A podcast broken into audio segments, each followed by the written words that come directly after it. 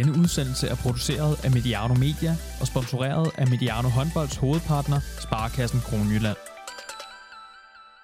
Velkommen til vores nye serie om international håndbold med Rasmus Bøjsen. Titlen siger forhåbentlig det meste. Det er den anden af vores nye månedlige serie her på Mediano Håndbold. Med Henrik Mølgaard og Peter Bredstorff vil vi hver måned jagte sandheder i håndbolden. Og med Rasmus Bøjsen vil vi hver måned tage pulsen på de internationale ligaer og i øvrigt på international håndbold. Vi har simpelthen inviteret os selv indenfor hos en håndboldpersonlighed, der, tør jeg godt at sige, har et unikt overblik over den internationale herrehåndbold.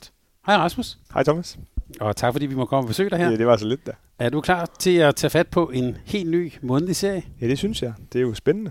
Det er godt. Vi, øh, før vi lige gik på, talte vi lige om alt det, vi skal i sæsonen her, så øh, I kan godt vente jer derude. Og så tænker jeg også, det er på sin plads lige at ønske dig tillykke med dit øh, nye job.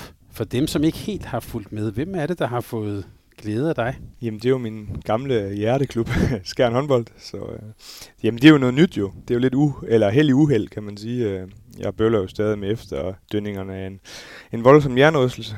Det er jo snart et halvt år siden, at, at jeg var på banen senest, men øh, jamen, så skal der jo ske noget nyt, når man ikke rigtig kan spille. Jeg håber på, øh, måske jeg kan komme i gang på et eller andet tidspunkt igen, men, men der er ikke rigtig noget, der tyder på det nu, og så fik jeg en, en rigtig fin henvendelse fra min, min tidligere klub, øhm, hvor jeg nu er blevet salgskonsulent og lidt andre ting, jeg også laver, så øh, det har jeg været i gang med i, ja, siden øh, 1. august, og det har været meget spændende og lærerigt, så øh, ja, mod på livet igen efter øh, en, en hård, frustrerende tid. Der er bare at sige tillykke til det, men også at sige, øh, nu skal du så til at se skjern ude fra tilskuerpladserne igen. Hvordan bliver det?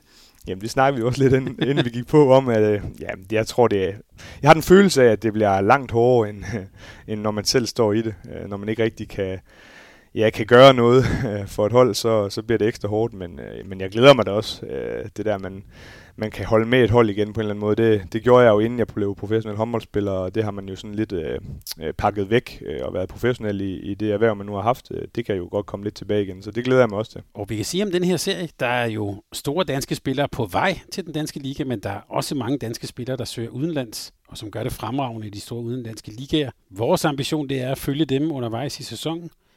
Vi vil også følge de store internationale ligaer og de store europæiske turneringer. Og så tænker jeg også, Rasmus, at vi engang imellem slår en genvej forbi nogle af de mere obskure ligaer undervejs. Det kunne også være sjovt. Så det er en ambitiøs opgave, vi har sat os for. Det kan godt blive langt, må vi hellere advare om. Og det kan også komme til at indeholde både ny viden og detaljer, som du ikke vidste, at du havde brug for at høre, kære lytter. Så nu er du advaret, før vi går i gang. Rasmus, sidste sæson, der talte vi om, at Champions League var måske nærmest blevet en smule kedsomligt med de samme hold, der spillede de samme kampe mod hinanden.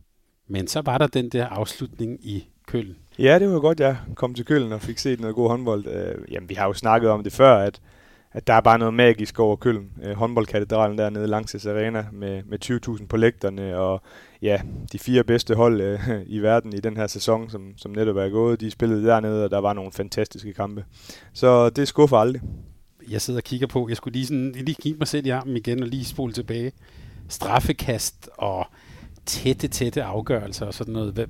Hvordan var det at opleve det sådan tæt på? Jamen, det er jo det, det kan, og man bliver jo lidt forvent. Altså, man, man har jo næsten en, øh, en følelse af, at det skal være sådan. Men, men det var fantastisk, og stemningen var god, og øh, jeg synes, det her, det er jo det, håndbolden kan. Øh, der var masser af kærlighed fansene imellem, og der var ingen urolighed overhovedet. Der var bare en masse folk, som havde store forventninger til endelig at komme til Køln igen med en, med en fyldt halv efter det her coronahelvede, vi har været igennem. Så, så der var liv og glade dage. Øh, der var godt vejr som altid, og, og der blev også drukket et par kølsch, øh, så jeg. Øh, så så det, var, det var fantastisk, og jeg synes virkelig, at, at det var nogle hold, der bare kom med en masse gå på mod og, og gav den fuld gas. Altså det her med to kampe på under 24 timer, øh, det er jo en anden snak, at det er rigtig hårdt øh, øh, i slutningen af sæsonen efter OL og så videre. Det, det har virkelig været hårdt, men, men jeg synes bare, det var god håndbold, så, så det var jeg faktisk lidt, måske lidt overrasket over, at, det, at der blev givet så meget gas, og at, at, øh, at, det var seværdigt. Vi talte jo inden Final for om, altså at Barcelona måske havde lidt den der favoritværdighed, og at favoritterne så heller aldrig vinder, men det gjorde de her. Det blev alligevel dem, der kom til at stå med trofæet. Ja, det var jo ufatteligt tæt. Øh, det kunne også sagtens være blevet kældte. Øh, Barca fik øh, brugt den her forbandelse med, at der er ingen der hold, der har vundet øh, to gange i træk i, i Køln. Så, så det var flot, og, og jeg synes virkelig, at de udviklede sig hen over sæsonen. Startede jo rigtig svagt, med, men også med et meget nyt hold, som, og der var, det, der var ro på, og der blev givet tid til Carlos Ortega, den nye træner, og det må man også bare sige, at det er bare frugt.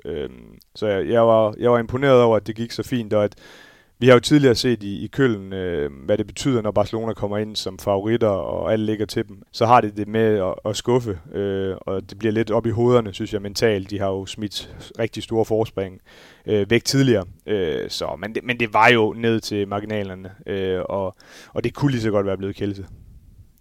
Og vi skal også tale om både den spanske, polske og ungarske liga, men jeg får lyst til bare lige at spørge lidt til, til et hold, jeg ved, du holder af, nemlig Vestprem det var vel egentlig ikke nogen dårlig Final Four for dem, selvom at det hverken blev til det, det ene eller det andet. Nej, altså det var det jo ikke, men det er jo skuffende, for det er det helt store mål for dem. Det er det, og det kommer jo lidt oven på en dårlig tid, hvor de også smider mesterskabet øh, mod Sækket. Det kommer vi måske øh, ind på lidt senere, men, men det var da et malurt i bæret. Altså jeg tror ikke, øh, man tænker jo lidt det der med, at, at nu kom de ind som underdogs og kunne kun overraske, og det gjorde de jo ikke. Altså, de spillede jo ganske, ganske fint, men, men de, der kom ikke den der forløsning. Øh, så så ja, man, man skal altid være skuffet, når man kommer til Køln og ikke vinder, men, men jeg synes, at der er en udvikling i holdet, og, og man kan også godt se med de signings, de laver, øh, så er der generationsskifte på vej, og og de får tilført nogle rigtig dygtige spillere, så jeg synes egentlig, at fremtiden ser, ser, ser ganske fin ud for Vestbrem, men, men det her med, at, at de bare ikke formår at, at slå igennem og, og vinde i Køln, så det, det gør det jo svært at tro på fremadrettet, men,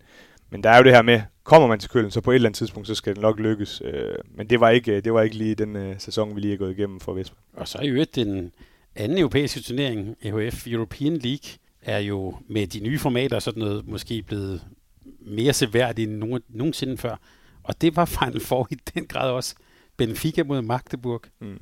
Vanvittig kamp. Ja, men det, var, det synes jeg faktisk var mega fedt, og det snakkede vi også lidt om øh, sidste gang, øh, vi var sammen, at at European League bare kan noget andet, fordi det er nogle andre hold, nogen man ikke ser så tit. Øh, nu kommer vi godt nok heldigvis ind i en, en Champions League. Vi snakker lidt om, det har været kedeligt, og gruppespil og de samme hold møder hinanden hele tiden. Men der kommer heldigvis lidt nyt i form af, at, at Magdeburg er tyske mester, GOG er danske mester, og Plotsk øh, fra, fra Polen har, har fået wildcard og sådan noget. Så vi får lidt nye hold, det er jeg glad for. Øh, men det er jo også det, vi har set i, øh, i EHF European League, at der, det, det, der er nogle nye kampe, og, sådan, øh, og så synes jeg, som du siger, at der, der er rigtig mange gode hold, øh, som man også lidt undervurderer. Øh, portugisisk håndbold er jo selvfølgelig på vej frem, øh, og Benfica slog Magdeburg i den her tætte finale. Det var jo også rigtig tæt på, at Sporting faktisk slog Magdeburg ud allerede inden øh, Final Four. Øh, så portugisisk håndbold er lidt på vej frem, og, og rigtig spændende at følge med i der. De har også gjort det rigtig godt på ungdomssiden her øh, til sommer. Så... Øh, så nej, øh, altså det var ikke fordi, jeg var helt vanvittigt overrasket over, at, øh, at Benfica kunne, kunne gøre noget også på hjemmebane, og de har bare de havde i se, øh, seneste sæson en rigtig, rigtig stærk fireblok øh, defensivt, hvor de stod rigtig godt med, med Borges og Moraz ind i midten, og Schellmann, vi jo kender og så videre. Så, så, men det var jo flot. Altså Magdeburg, de har haft en, en vild sæson, men, men ender alligevel med at tabe to finaler, ikke? Så, så det, sådan, det kunne have blevet rigtig, rigtig vildt for Magdeburg. Nu blev det bare vildt. og så vidt jeg forstår, tager Jonas Schellmann en sæson mere i Benfica. Yes. Det her års, du var lidt inde på det, det her års Champions League, det får jo for det første deltagelse af to danske hold. Øh, der blev givet et wildcard til, til Aalborg, og ja, også til Plogt. De der, de der wildcards, dem er du ikke så vilde med, eller hvad? Er der nogen, der er det? Er det måske kun dem, der får dem? Nej, det er jeg ikke. Altså, vi har en, en, øh, et Champions League, hvor der er øh, 10 eller hvad, 16 hold med, og 6 af holdene for wildcards. Det er jo alt for mange, og der skal slet ikke være wildcards, stod, stod til mig. Det er en snak, vi har haft tidligere også. Vi skal have en kvalifikationsturnering, ligesom vi har til European League i øvrigt. Det vil være, være langt federe og langt mere sportligt øh, færre, synes jeg.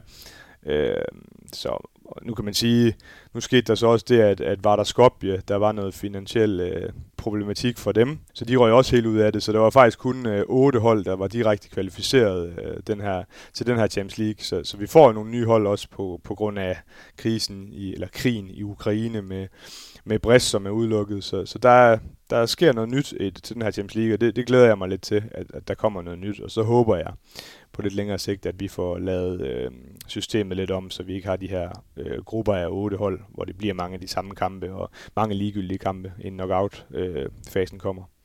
Jeg forestiller mig, at næste gang vi mødes, skal vi sådan dykke lidt, gå meget tæt på de to grupper, men det er svært ikke, når jeg sidder og kigger ned over dem. Aalborg håndbold, det er noget af en djævlepulje, det med ja, bare Barca, Kiel. Øh, der er også et hold fra Polen, der hedder Kielse. Bare for at starte et sted. Det, det ser hårdt ud for, for den store satsen af Aalborg. Det gør det, men altså, der er jo også den pulje, der er 11 rum og, og sælge i, så i forhold til at komme videre, der, der tror jeg nu nok, det skal gå. Jeg var ude og se skæren øh, håndbold mod min tidligere klub 11 og jeg kan sige, at de var i hvert fald lidt mere nervøse, end jeg tror Aalborg er. Altså, det er jo, det er jo, det er jo fedt, øh, at der kommer så mange store kampe, men igen, jeg synes også, det udvander produktet lidt, at vi ser mange af de her hold blive ved med at spille mod hinanden, og der skal også være nogle små kampe, før at en, en, en kamp kan være stor. Så, øh, men Aalborg, de får, får deres form, men jeg tror nu nok, at de skal få deres point. Øh, og de viste jo i sidste sæson, hvor de også var i et, i et bra og et gruppespil, at, at det kan de sagtens klare. Øh, så, så det bliver spændende at se, om de ligesom kan ride videre på, på bølgen. Øh, ja, øh, første år med, med Mikkel Hansen øh, på, på holdet, det bliver også spændende at se, hvad det får af betydning. Øh, så, så jeg er spændt på, hvordan Aalborg, men jeg synes, øh, at, at der er rigtig mange hold, uden at vi skal gå alt for meget ind i det, der kan, der kan, eller der kan gå i Final Four. Og der er Aalborg en af dem, men der, men der er rigtig mange om budet. Så, så det, det bliver svært. Øh, så, så det er også vigtigt, at man ligesom formår at få så god en placering som overhovedet muligt i gruppespillet. Og Mikkel Hansen undgår jo så at skulle til Paris, i hvert fald i første omgang. Ja. Men det er vel ikke helt urealistisk, at øh, de stod ind i den anden ting. Og det må vi tage, når vi kommer så langt. Lad, lad det være en lille teaser. Lad os begynde på vores øh, rejse ud i Europa her. Ligerne er jo så småt ved at gå i gang, og når du kan lytte, lytte til det her, så er der måske allerede kommet i gang i nogle af ligaerne. Lad mig lige starte, Rasmus, med et fuldstændig urimeligt spørgsmål. Er der en af de her ligaer, vi skal tale om, som du glæder dig mere til end, end de andre? Du må kun nævne en. Ja, altså ser vi bort fra den danske, så siger jeg øh, Bundesligaen. Og det gør jeg, fordi at jeg synes, den ser mere øh, konkurrencedygtig ud end, end meget længe. Jeg synes, der er rigtig mange hold i toppen, som kan gøre det. Øh, Magdeburg rider jo selvfølgelig videre på en bølge i forhold til den flotte sæson, de lavede sidste år, og de har holdt kontinuiteten og holdt det meste af holdet. Det bliver spændende at se, øh, hvad det betyder for dem, at de skal til at spille Champions League også. Øh, vi har jo tidligere set mange tyske hold ligesom øh, ikke gå så meget op i Champions League, og så bare sørge for at gå videre. Øh, vi har sågar set Radnik Løven i nogle sæsoner spille med et B-hold i Champions League, så jeg er spændt på at se, hvordan de vil gøre det, fordi øh, de kan sagtens tåle at tabe 3-4 kampe i Champions League, og så stadig få et godt udgangspunkt inden knockout-fasen, men tager de 3-4 dumme kampe i, i Bundesligaen, så ved vi jo, så kan, så kan det gå hurtigt, og så er man nærmest væk. Øh, Kiel, det bliver rigtig spændende, synes jeg, at følge dem. De har gjort nogle, nogle spændende indkøb øh, med to svenske venstrebacks, Erik Johansson og, og Karl Valinius. Øh, også kvæg, at, at, at Sander Sargussen jo er ude øh, indtil efter jul, øh, og Pekkeler er formentlig også ude til efter jul, så det bliver meget, meget spændende at se. Øh, det bliver sådan lidt et nyt kiel. Det er jeg meget spændt på. Øh, men det er jo klart, når man har, har den trup, som de har, og Niklas Landin i målet, så, så vil de jo også være en af favoritterne til, til at løbe med mesterskabet. Flensborg er også meget nyt. Jeg, jeg glæder mig jo sindssygt meget til at se Lasse Møller virkelig øh, 7-9-13 for, at det holder med ham. Øh, en fantastisk talentfuld spiller, som vi jo slet ikke har set nok til. Øh, mange danskere også i, i det hele taget i Flensborg, og jeg synes, de har et spændende hold, som desværre har været lidt for meget ramt af skader også, at de har måske tidligere ikke været så brede. Øh, jeg ved ikke, hvad der er grund til, at de får så mange skader, men, øh, men de har i hvert fald været, været hårdt presset øh, på den front. Øh, og så bliver det bare svært, hvis man skal spille med en 7-8-9 spillere øh, i løbet af en hel sæson. Øh, ja, og det er jo også spændende at se, hvad det gør for dem, at de ikke skal være med i Champions League.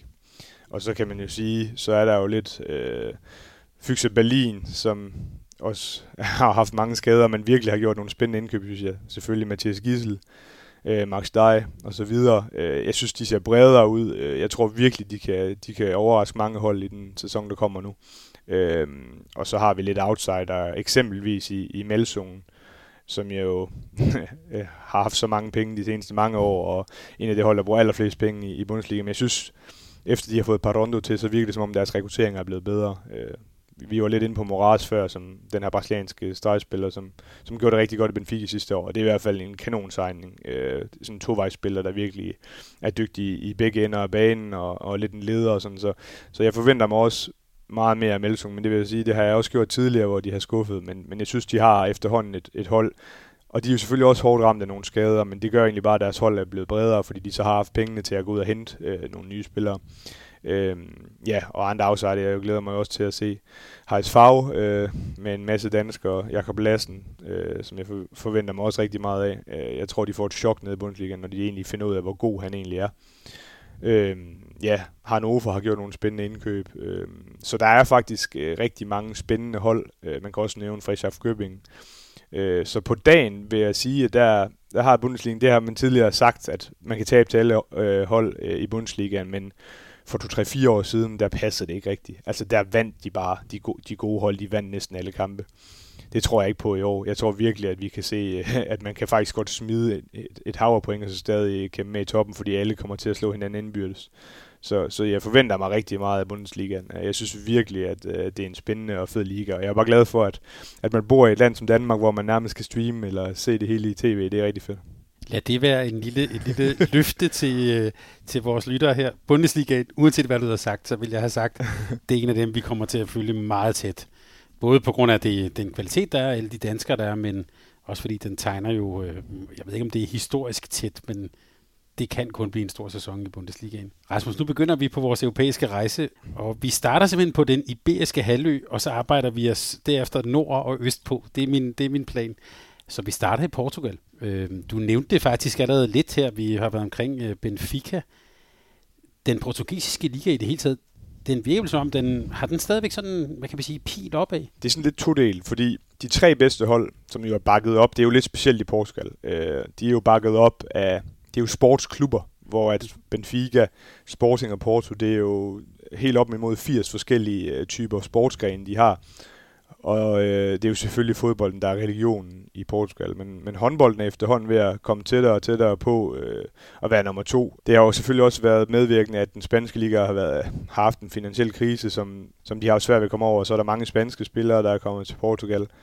Og så har man ligesom fået øjnene op, også i og med, at øh, det portugisiske landshold er blevet langt bedre og begynder at kvalificere sig til slutrunder. Og så, så interessen er virkelig øh, stigende, øh, og det er jo bare fedt, men man kan så sige, ud over de tre hold der, så må jeg bare sige, så, øh, så er det svært øh, at se, at der er kvalitet.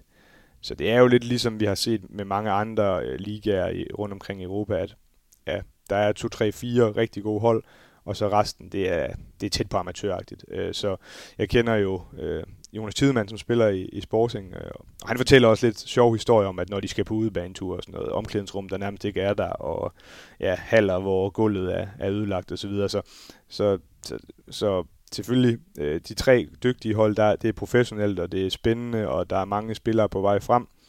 Øh, men derudover så, så er det rimelig svagt, kan man sige. Øh, det Portugal jo har, har gjort, det er jo, at de har brugt rigtig mange midler på deres trænere. Så man ser helt ned på ungdomshold øh, trænere, som er EHF Mastercoach, altså den her store uddannelse. Så de har virkelig øh, brugt mange ressourcer på at, at gøre deres trænere bedre, og det kan man så også se på de spillere, som efterhånden kommer op. Øh, der er virkelig mange øh, rigtig, rigtig dygtige og talentfulde spillere, og de klarer sig rigtig godt på U-niveau, som jeg også var inde på tidligere. Ungdomslandsholdene kommer langt i, i turneringene, og der var jo øh, der var jo U20 øh, EM i Portugal, øh, og det var virkelig nogle fantastiske kampe, blandt andet øh, Portugal mod Spanien, som både mødte hinanden i, i gruppen og også i finalen. Øh, fantastisk. Øh, og de her, øh, man kan jo ikke komme udenom, at Kiko Costa og Franci, eller, øh, Francisco Costa og øh, Martin Costa, øh, brødreparet her, øh, de er helt fantastiske. De er jo allerede en, en del af, af A-landsholdet og kæmpe øh, talenter, især øh, Kiko Costa, som jo i, sidste sæson bare sådan sprang ind og sådan gjorde det ufattelig godt, øh, også på europæisk niveau, og lavede rigtig mange mål. Der blandt andet 19 mål i en, i en ligakamp mod, mod Porto, og ja, jeg tror det var 15 mål mod Magdeburg og sådan noget.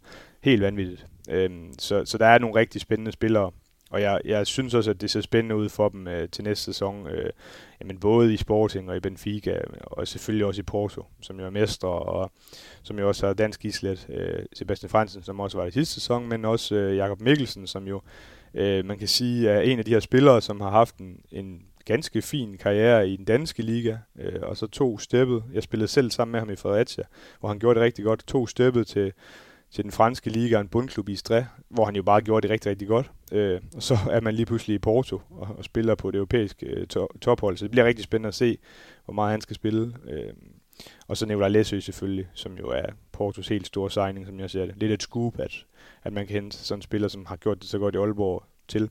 Så, så, så det bliver også rigtig spændende at følge dem. Men der er jo ingen tvivl om, at, at det er de tre hold, der, der kæmper for, for, for mesterskabet, og Benfica havde øh, en off uge øh, sidste år, hvor de taber, taber tre kampe, og så er de bare færdige. Øh, så er det jo det.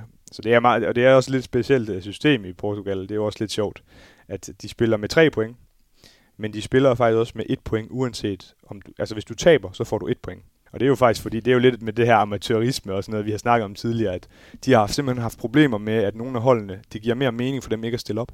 Fordi så tager de jo øh, 10-0, og så kan de jo reelt set undgå at rykke ned på, på knap så dårlige målscorer som andre hold.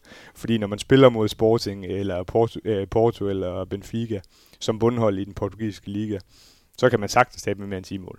Så det har de lavet om på, at hvis man stiller op til kampene, så får man point. Så nu er de ude over det. Så det er jo også lidt sjovt. Det, det er fantastisk også. Og også når vi tænker på, at vi taler om Champions League-hold og mm. øh, den absolute top, og så har vi det så i, i den anden ende. Kiko Costa, jeg, jeg bliver nødt til lige at sige, bare før vi lige taler lidt mere om ham. Hver gang vi skal tale om ham, skal vi bare lige sige, at han er årgang 2005. Mm. Hvor lang tid kan Sporting, og ja, det er jo hans far, der træner, øh, ja. der træner dem, Ricardo. Øh, mm. Ham går der også nogle historier om. Han ja. er en temperamentsfuld herre. Det må man sige. Men øh, ja, hvor lang tid kan de holde på ham, tror du? Jamen, hvis man skal tage historien, så, så er det jo faktisk lidt sjovt, at de jo, både øh, Francisco Costa og Martin Costa var jo ejet af Porto. Og så kom øh, Ricardo Costa til Sporting som cheftræner, og så fandt han ud af at fortælle ledelsen, at nu skulle de altså købe øh, den her øh, 15-årige spiller, den her 17-årige spiller i, i, i Porto, og det er jo sådan, sådan lidt i, i, i håndbold, eller i håndbold i særdeleshed, det der med transfers og sådan noget, at bruge penge, ah, det gør man ikke rigtigt. Men her der brugte man altså øh, 200.000 euro på at købe de her to spillere fri, som var 15 og 17 år på daværende tidspunkt. Og det må man så sige, at det tænkte man sådan lidt, da jeg så det, der tænkte jeg sådan lidt, hvad, hvad sker der her? Hvorfor? Øh, men det kan man godt se nu, hvorfor de gjorde. så øh, jeg håber jo lidt for, for Kiko Costa, øh, at han bliver der i hvert fald den her, og måske også næste sæson, øh, og får den tid. Altså det er jo, det er jo en fantastisk, et fantastisk udstillingsvindue for ham, hvor han øh, spiller i den portugisiske liga mod nogle ganske okay hold, og så Benfica og, og Porto. Øh, og så kan han spille europæisk. Øh, så det, men jeg tror også, altså man kan, hører jo på, på jungletrummerne, at der, du kan ikke finde et hold øh, omkring Europa, der ikke allerede er ude efter ham. Øh, så og må ikke der er et, et hold øh, også på den iberiske halvø, som er lidt større og spiller i et større land, som sådan for alvor er ude efter ham. Det er i hvert fald det, man ligesom hører på vandrørene. Og hvornår han så skifter, det, det skal jeg ikke kunne sige, men, men altså, der er jo ingen tvivl om, de kan ikke holde på ham ret lang tid. Men jeg håber lige, at han, han tager et par sæsoner mere. Jeg synes ikke, han, når han spiller, han er ikke meget ulig uh, Alex Tuchebaev. Altså, der er den der, han finder altid et hul, og, altså, og, og, og skyder på alle mulige mærkelige måder. Og, Jamen, han kan score for alle vinkler, og han, altså, han får meget ud af lidt, vil jeg sige. Altså, det, det kan komme ud af ingenting, men hans scorings, altså procenter ligger også ganske fint. Øh, det er det, der er så imponerende, for han tager reelt set vanvittigt mange vanvittige afslutninger, men, men han formår bare, bare at få dem ind, og han er, han er så alsidig, at at han kan lidt af det hele. Han kan gå begge veje, han kan spille med stregen, han kan skyde øh, fra øh, sådan nærskud, og han kan skyde fra distancen. Så han kan lidt af det hele. Han er rigtig god i anden bølgen, synes jeg også, og han dækker ganske fint op. Ja, og så er han 0-5'er, som du sagde. så det er, jo, det er jo helt vildt, og jeg tillod mig også at tweet, at jeg ikke kunne huske nogen.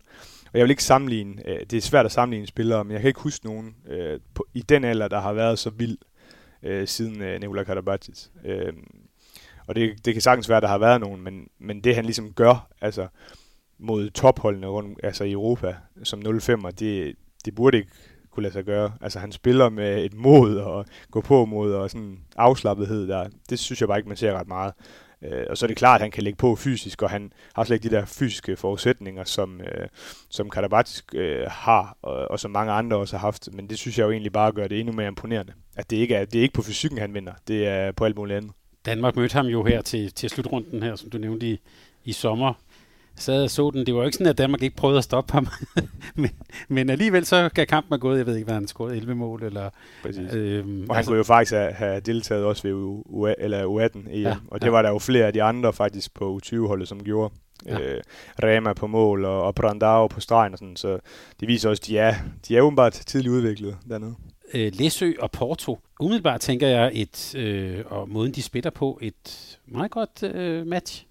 Ja, det tænker jeg. Altså, de har jo haft for vaner her, de her skytter på, på venstre bak, Valdes øh, og så videre. Øhm, så, så, så det passer egentlig meget godt. De har jo selvfølgelig også haft øh, Gomes, øh, som jeg har røget videre. Øh, så, så ja, jeg synes egentlig, det, det virker som en okay match, og man kan jo sige, øh, altid lidt spændende at komme ned til Porto, men vi, øh, vi skal, øh, og Portugal, men vi skal også huske, at de har Magnus Andersen som træner, så der er jo det her skandinaviske islet, og efterhånden flere og flere skandinaver. Øh, så, så det bliver spændende at se. Altså, jeg tror også, det kan være sundt for, for Læsø at komme ud og, og prøve sig i, ja, i udlandet. Øh, så, øh, og man kan jo sige, altså Aalborg, øh, ja, der var jo ikke rigtig plads til ham, så jeg synes jo egentlig også, det var, det var klogt af ham at sådan søge videre. Og så lad os aftale til næste gang, at du lige tjekker ind med tidemand og hører, hvordan det, hvordan de er kommet i gang dernede. Så lad os gå, gå lidt øh, østpå mod den, øh, det er i hvert fald geografisk største land dernede, nemlig Spanien. Det er jo ikke nogen voldsom sådan hemmelighed, hvis jeg siger nu, at alting i Spanien jo i mange år har handlet om FC Barcelona. Så lad os lige tage et smut omkring fodbolden, eller klubben. Ja. Fordi øh, klub, Barca's økonomi er der jo, og det kan man høre på øh, Medianos fodboldkanal, er jo anstrengt, og det hedder Spotify, Camp Now og alt sådan noget nu her. For det, har det sådan, sådan historisk, eller den, kommer det til at få en betydning for håndbolden, tror du? Øhm, umiddelbart ikke. Altså, det er i hvert fald ikke det, der er blevet meldt ud med diverse budgetter og så videre, men altså, håndbolden løber jo ikke rundt. Altså, det er jo det, der er lidt vildt, og det gør basket heller ikke, og det gør alle øh, sportsgrene, som ikke er fodbold. Det gør de jo heller ikke. Øh, men de har bare øh, altså, penge. Det gør fra, fodbolden faktisk heller ikke. Slet ikke, slet ikke. øh, så det er en længere historie, men, øh, men øh, man kan sige, at øh, øh, de, har jo, de har jo sat penge af til det, og det dækker fodbolden bare, og, og det er jo, man kan kalde det sundt eller ikke sundt, og konkurrenceforvridende, øh, det ved jeg ikke, men, men det, de har i hvert fald øh, et budget, og det kører de efter. Og man kunne godt håbe på, at så stor en klub øh, ville prøve at gøre lidt mere for at få øh, tilskuer i hallen og, og så videre. Øh, men det virker ikke som om, at det lige er, at det der er så meget øh, fokus på. Øh, men, men de har i hvert fald haft fokus på at hente nogle skandinaviske spillere, og det er jo, det er jo spændende at se både med Emil Nielsen, selvfølgelig fra dansk perspektiv. Det bliver spændende at se, hvor, hvordan han kommer til at dele tiden med, med Gonzalo Pérez de Vargas, som jo er det her ikon øh, i Barcelona, Barcelona-dreng og anfører alle de her ting. Og man kan jo sige, at vi har jo set det lidt tidligere med Kevin Møller, hvordan det var. Øh, så det bliver spændende at se øh, for Emil, øh, hvordan det er at komme til Barcelona og han skal jo nok komme til at spille en masse i, i den spanske liga, hvor de normalt ikke har de store problemer, men, men når kampene skal afgøres, øh, så er det jo spændende at se i Champions League, øh, hvordan øh, kortene bliver, bliver blandet der.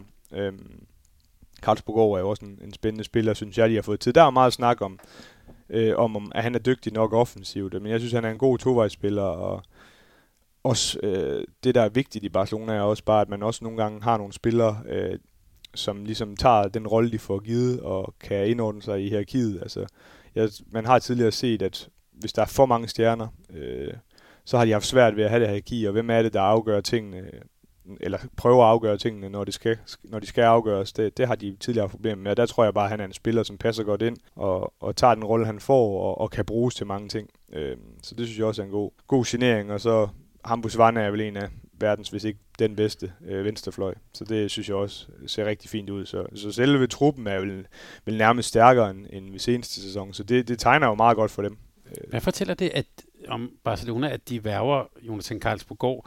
Altså jeg tænker, han er i hvert fald ikke sådan en flashy venstre bak, som hvis man kigger tilbage i tiden, hvad Barcelona har haft af, af verdensstjerner, som, som, som skulle være der. Hvad er det for, ja, altså, hvad er det for, for et signal, man sender, når man, når man værver ham? Er det en, en ny måde at tænke på? Det ved jeg ikke, men jeg synes i hvert fald, det er et modigt valg. Altså, og det er jo også det, vi snakker om, når man, når man ser kommentarerne på, hvad folk mener omkring, at Carlsberg går til Barcelona, så, så er der ikke, i hvert fald ikke mange, der synes, at det er bare en fantastisk stor signing af Barcelona. Så, så det, synes jeg, det er et modent valg, at man, man tør tage en spiller, som måske ikke har den her store star quality.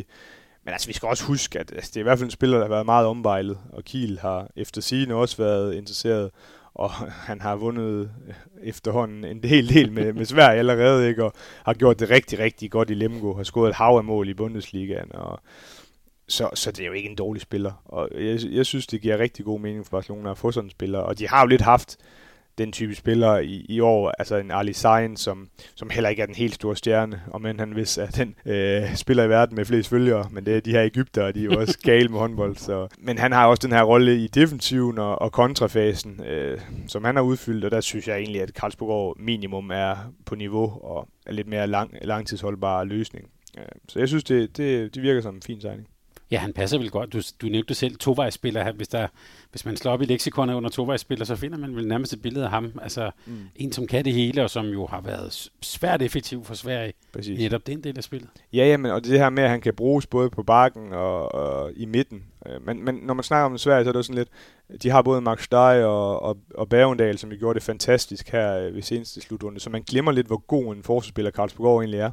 Det undervurderer man lidt, synes jeg. jeg. Jeg synes, han er en fremragende forspiller, og og Sverige har i hvert fald øh, haft god øh, succes det her med at, at satse på tovejsspillere. Øhm, og det er bare vigtigt. Nu kommer den her øh, nye regel, mm. som vi slet ikke har været inde på nu, med, med hurtig opgearkast i, i, i, i den her cirkel, som, som også, vi har i hvert fald set nogle, nogle eksempler på, at det, det kan bruges rigtig meget. Nu var der Supercup her forleden, øh, hvor man også kunne se, at både øh, GOG og Aalborg havde, havde god hjælp af at, at kunne få noget mere fart i spillet øh, på, den, på den del, og det tror jeg da heller ikke har, har sådan svækket han, hans værdi, øh, Karlsborg, fordi der er han rigtig stærkere. Og og det er jo også bare noget, som Barcelona tidligere har, altså under øh, Pascual var det jo nærmest deres go-to, det var bare at storme op i anden bølge og få skudt, og deres, øh, deres øh, hvad hedder det, angreb var jo virkelig, virkelig korte. Det gik man sådan lidt væk fra sidste sæson, øh, hvor at forsvarsspillet sådan blev opprioriteret af, øh, Carlos Ortega, den nye træner. Øh, så det kan godt være, at man, man skulle lidt tilbage igen til det, at, at satse lidt mere i den fase, fordi nu har man altså virkelig nogle spillere, der er gode i den fase. Ja, både Karlsborg, som vi snakkede om, og Varne øh, fantastisk i kontrafasen. Øh, Gomes på, på højre fløj, øh, men i særdeleshed de kan med dem. Altså, han er tæt på stoppe, når han kommer ned i, i fart. Øh, så det synes jeg godt, at det er jo i hvert fald en af de udviklingspunkter, jeg kan se, at Barcelona godt kan lægge, øh, kan lægge lidt vægt på øh, her i den kommende sæson. Så øh, spændende at følge en regel også, øh, eller den, hvad kan man sige, udførelsen af, af den regel, der kunne Barcelona godt ligne et hold, der måske kunne drage fordel af det. Bare lige helt kort, Rasmus. Er der nogen som helst andre hold, vi bør tale om i Spanien? Jamen, det er jo sjovt, du siger det sådan, fordi jeg synes jo faktisk, at den spanske liga nogle gange bliver lidt undervurderet. Altså, når vi ser nogle af de resultater, som de trods alt laver, øh, holdene fra, fra 2 til, til 5, øh, så, så kan de jo godt spille håndbold. Det glemmer vi nogle gange. Altså, Granollers havde en rigtig flot sæson i seneste sæson og, og blev nummer to, og jeg synes egentlig, de har gjort nogle spændende indkøb til den, til den kommende sæson også. Og, og altså, Cuenca, som, som Bianco Silkeborg jo møder i European League, gjorde det jo rigtig, rigtig godt seneste sæson. Måske den bedste hjemmebane, der overhovedet er i Spanien, og mange af de her sydamerikanske spillere. Så, så der er jeg faktisk rigtig, rigtig spændt på, hvordan det, det skal gå mod, mod Bianco Silkeborg.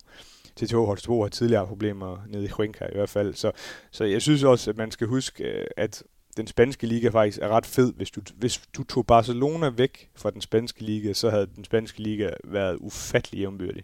Altså det er sådan noget med, at alle virkelig kan slå alle.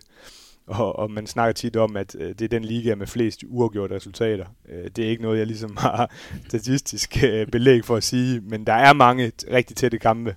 Og det kan jo også noget. Øh, der er virkelig kamp øh, om de her europæiske pladser, og både Ademar og La Rioja, øh, som jo sådan er traditionelle hold, øh, de, de endte jo bag Cuenca sidste, øh, seneste sæson, så der, der kommer sådan lidt nye hold, der er på vej frem. Øh, det synes jeg er meget spændende. Også Benidorm, som har gjort det rigtig godt. Så der er jo, altså, det er jo ikke sådan, at hvis jeg name-dropper en masse øh, spillere for de her hold, så er det ikke sådan, at man sådan tænker, wow, har de alligevel dem? Men de gør det alligevel rigtig fint, og, og der er jo rigtig mange spanske, unge, øh, talentfulde spillere. Vandt jo øh, øh U20-EM, hvor man, altså, det, det spanske ungdomslandshold der, der tror jeg virkelig, vi kommer til at se mange fremadrettet. Øh, og de har jo været i alle finaler øh, i 2022, både U18, U20 og selvfølgelig til EM. Så, så der, er, der er masser af god, øh, eller gode spillere i, i spansk håndbold, og det kan jo også godt være lidt en fordel for dem nogle gange, at øh, at de så hurtigere kommer ud, fordi der ikke er så, så mange øh, pengestærke hold, så, så kan de spille, alle de unge spillere spiller i den, i den bedste spanske række, øh, på nær dem, der er i Barcelona B. Der er også nogle rigtig dygtige spillere. Jeg tror, hvis Barcelona B de var i den bedste spanske række, så de har det med at komme rigtig langt i nogle af pokalturneringerne, så vil de nok ligge i hvert fald i midten af rækken. Men, men altså min pointe, pointe er egentlig bare, at det er ikke altid så skidt, at en liga ikke er alt for stærk, fordi så er der virkelig plads til de unge spillere, og det synes jeg, at Spanien har draget fordel af de seneste par år. Jeg skulle lige spørge dig, dem der, ja, U18 og U20-spillerne der, de spiller også liga-håndbold. Det gør de. Øh, der er jo selvfølgelig nogle af dem, der spiller på Barcelona B, mm. men, men øh, klart størstedelen af dem gør. Øh, der er jo selvfølgelig nogle af U18'erne, der ikke gør det endnu, men som jeg forventer inden for i år eller til næste sæson, der gør det. Og det er jo også det, øh, de spanske hold ligesom bliver nødsaget til. Det er at satse på nogle af de unge spanske spillere, som ikke er så dyre endnu, men som kan udvikle sig ret hurtigt. Og så kan de jo så ikke rigtig holde på dem.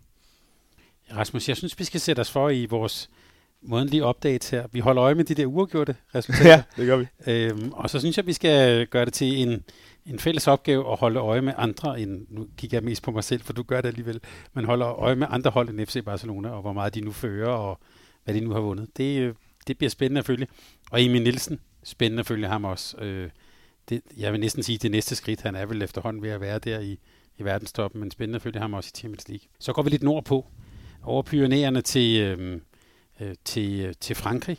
Øh, der har vi også haft et, et, et dominerende hold, men, men også jo øh, efterhånden en meget, meget kompetitiv liga. PSG har vi talt om, øh, det gør vi også sidste sæson, et mindre budget, men også to nye øh, målmænd. Hvordan ser du sådan øh, hele, han har sagt næsten hele PSG-projektet? Ja, men jeg tror, jeg, at jeg sagde senest, da vi snakkede om det, at det gør ikke så meget i håndbolden, om du har 18 millioner euro i øh, budget, eller om du har 12, som de mener jeg går ned på nu. Øh, derfor kan du stadig næsten få alle de bedste spillere. De, kom, de er stadig rigtig, rigtig højt i hierarkiet. Øh, så kan man jo så øh, diskutere i forhold til deres rekruttering de seneste ja, to, tre, fire år. Øh, jeg er ikke sådan helt vildt imponeret. Jo, Pallica og Jacob Gre- eller Janne Gren er, er rigtig, rigtig dygtige i mål, men det er ikke det. Men de er ikke øh, to af de bedste i verden i min optik. Jeg har dem ikke i top 5 i hvert fald. Øhm, så, så Paris, jeg synes, det var overraskende, hvor øh, suveræne de var i sin sæson, hvor de jo vinder alle kampe. Øh, og det gør også sådan lidt, hvor, hvor stærk er den franske liga egentlig så, når de kan gøre det med det, med det hold, øh, og med de skader, de trods alt havde. Øh, ja, altså, de kan sagtens vinde øh, Champions League med det budget, de har nu. Om de kan gøre det med de spillere, de har, det er jeg mere i tvivl om. Men, men vi har jo set øh, hold med langt lavere budget tidligere gøre det, gøre det i Champions League. Altså, så øh, Montpellier har jo gjort det, kan man sige. Øh, mm. Og dem har Paris jo trods alt øh, formået at ende over de seneste par sæsoner. Så øh, jeg tror, at de kommer, jeg tror desværre, at de kommer til igen at være rimelig suveræne i den franske liga. Det kunne være lidt sjovt, hvis der var nogen af de subtopklubber og topklubber, som ligesom kunne, kunne gøre lidt mere ved dem. Men, men jeg ser det ikke ske. Jeg, jeg synes, de fysisk øh, har, når man ser kampen dernede, og den franske liga er jo meget sådan præget af mand mod mand spil, fysik, øh, ikke så taktisk præget. Øh, det er bare lige på hårdt. Øh, så der er ikke rigtig nogen, der kan øh, for alvor taktisk udfordre dem. Det synes jeg, man ser i Champions League. Der er der hold, der kan udfordre dem taktisk. Men i den franske liga, der er det meget fysik. Og der må man så sige, at hvis der er noget, som, som de ligesom har defensivt øh, Paris, så er det fysik. Så derfor tror jeg ikke, at de får så store problemer med at genvinde øh, mesterskabet øh, næst øh, til, den, til den nært forestående sæson, men, men jeg tror, de får det svært i Champions League, hvor de bliver mere taktisk udfordret. Nu bliver jeg nødt til at spørge, hvem har du i top 5 som målmand? Ej, nu er du også uh, nu er du grim. Jamen, det, hvem har jeg? Jeg har jo Landin, og uh, så har jeg også uh, Gonzalo Pérez de Vargas. uh, Budic har jeg faktisk også. Jeg synes, han er rigtig, rigtig dygtig. Uh, nu glemmer jeg jo 100% nogen. Det kan, du ikke, det kan du ikke sidde og gøre mod mig, det der. Uh, Corrales synes jeg også er rigtig, rigtig dygtig. Mm. Uh, så mangler vi en. Og den tænker jeg lige over til, du kan bare videre med fransk liga. ja, det bad du selv om, han altså. Ja. Men nogen, der kan udfordre øh, Nantes, hvordan ser du dem? Altså, det er jo farvel til, øh, til kongen Kirill, øh, også farvel til Emil Nielsen. Øh,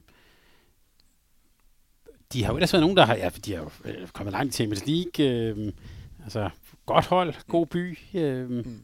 Jamen det er jo sådan lidt over 0 efter, at øh, uh, Anterias ligesom er taget til Limoges, og Gauchan, som jo har været i, i, i uh, klubben i rigtig mange år i forskellige roller, uh, har taget over, uh, var assistenttræner seneste sæson.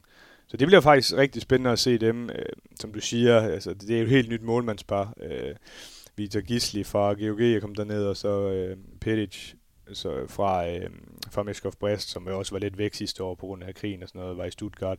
Øh, det, det er nok det store spørgsmålstegn. Altså, hvor dygtige er de?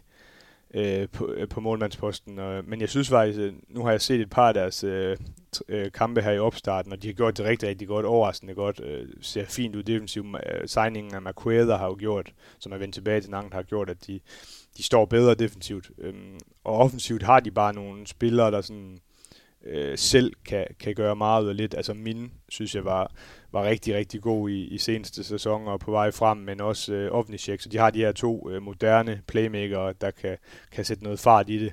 Øh, og det har de også behov for, fordi de er ret tunge i, i bagkæden. Øh, Brie, den her franske vensterbak, som jo dækker fantastisk op, øh, er lidt tungere øh, offensivt, og det er det samme med Cavalcanti for Portugal, som også er dygtig defensivt. Så, så defensiven er det der ligesom øh, skal bære dem lidt, og så, og så de her individuelle kompetencer offensivt, og, og så noget hurtigt kontraspil, tror jeg også, at de, fordi de har hurtige fløje, og, og de har nogle spillere, der kan komme op af i banen og, og gøre det godt. McQuaid er rigtig tung i anden fasen. Øhm, og så er jeg lidt spændt på Skorinski, øh, som var korsbåndsskadet seneste sæson, øh, den her russiske vensterbak, som, som øh, har gjort det rigtig godt i, i Meskov Brest i flere sæsoner. Øh, kan de få ham lidt i gang, så får de lidt mere fart øh, og lidt mere alsidighed i, i bagkæden, især på venstre bak. Så, så det, det tror jeg også bliver lidt vigtigt, men, men det er et hold, jeg er spændt på at se, og altså tabet af Pech Malbæk, øh, som skal til Vestbrem på stregen, det er bare et kæmpe tab øh, i begge ender af banen, så det bliver lidt svært, og de har jo ham her, Theo Monar, som, som er en af de mest talentfulde stregspillere i verden, og som ligesom skal tage næste øh, step nu, hvor Pech Malbæk er væk, øh, og de har hentet... Øh, Toto fra, fra Vardar, som spillede en rigtig god sæson seneste sæson. Så det er jo ikke fordi, de ikke har øh, dem, der ligesom skal tage over for Pesce Malbæk, men, men Pesce Malbæk er bare, synes jeg, en rigtig, rigtig dygtig spiller i begge ender af banen. Så det, det tror jeg bliver lidt svært for dem. Øh, det, det, det bliver meget spændende at se øh, med, den, med den her med ny træner og det hele, øh, hvordan det skal gå. Men de har jo, det synes jeg også, vi skal huske at nævne, altså Narnd er jo en mega fed klub. Altså det er jo det er en af de, de klubber i Europa med største opbakning. De fylder jo hallen gang på gang på gang på gang. Øh, og laver et kæmpe show ud af det, og fede tifo, og fede fans, og med på udebane, og alle de her ting. Så jeg, det er jo sådan en klub, ikke at jeg holder med dem, men jeg synes bare, det er fedt, at, at det går godt for dem, fordi der ligesom bliver gjort så meget. Altså, og det er også det, vi snakker om, at en klub som Barcelona, de burde virkelig lære noget af, af sådan noget som Nantes. Så øh, der er virkelig en fest dernede. Og de er i pulje med Aalborg håndbold i Champions League, så dem får vi heldigvis at se nogle gange, så øh, det kan vi glæde os til. Hvor mange af det, hvad kan det være, 8.000 hos dem? Det er meget, de har jo to forskellige haller, de har en til 5,5, og så har de den her XXL, som de bruger til specielle kampe.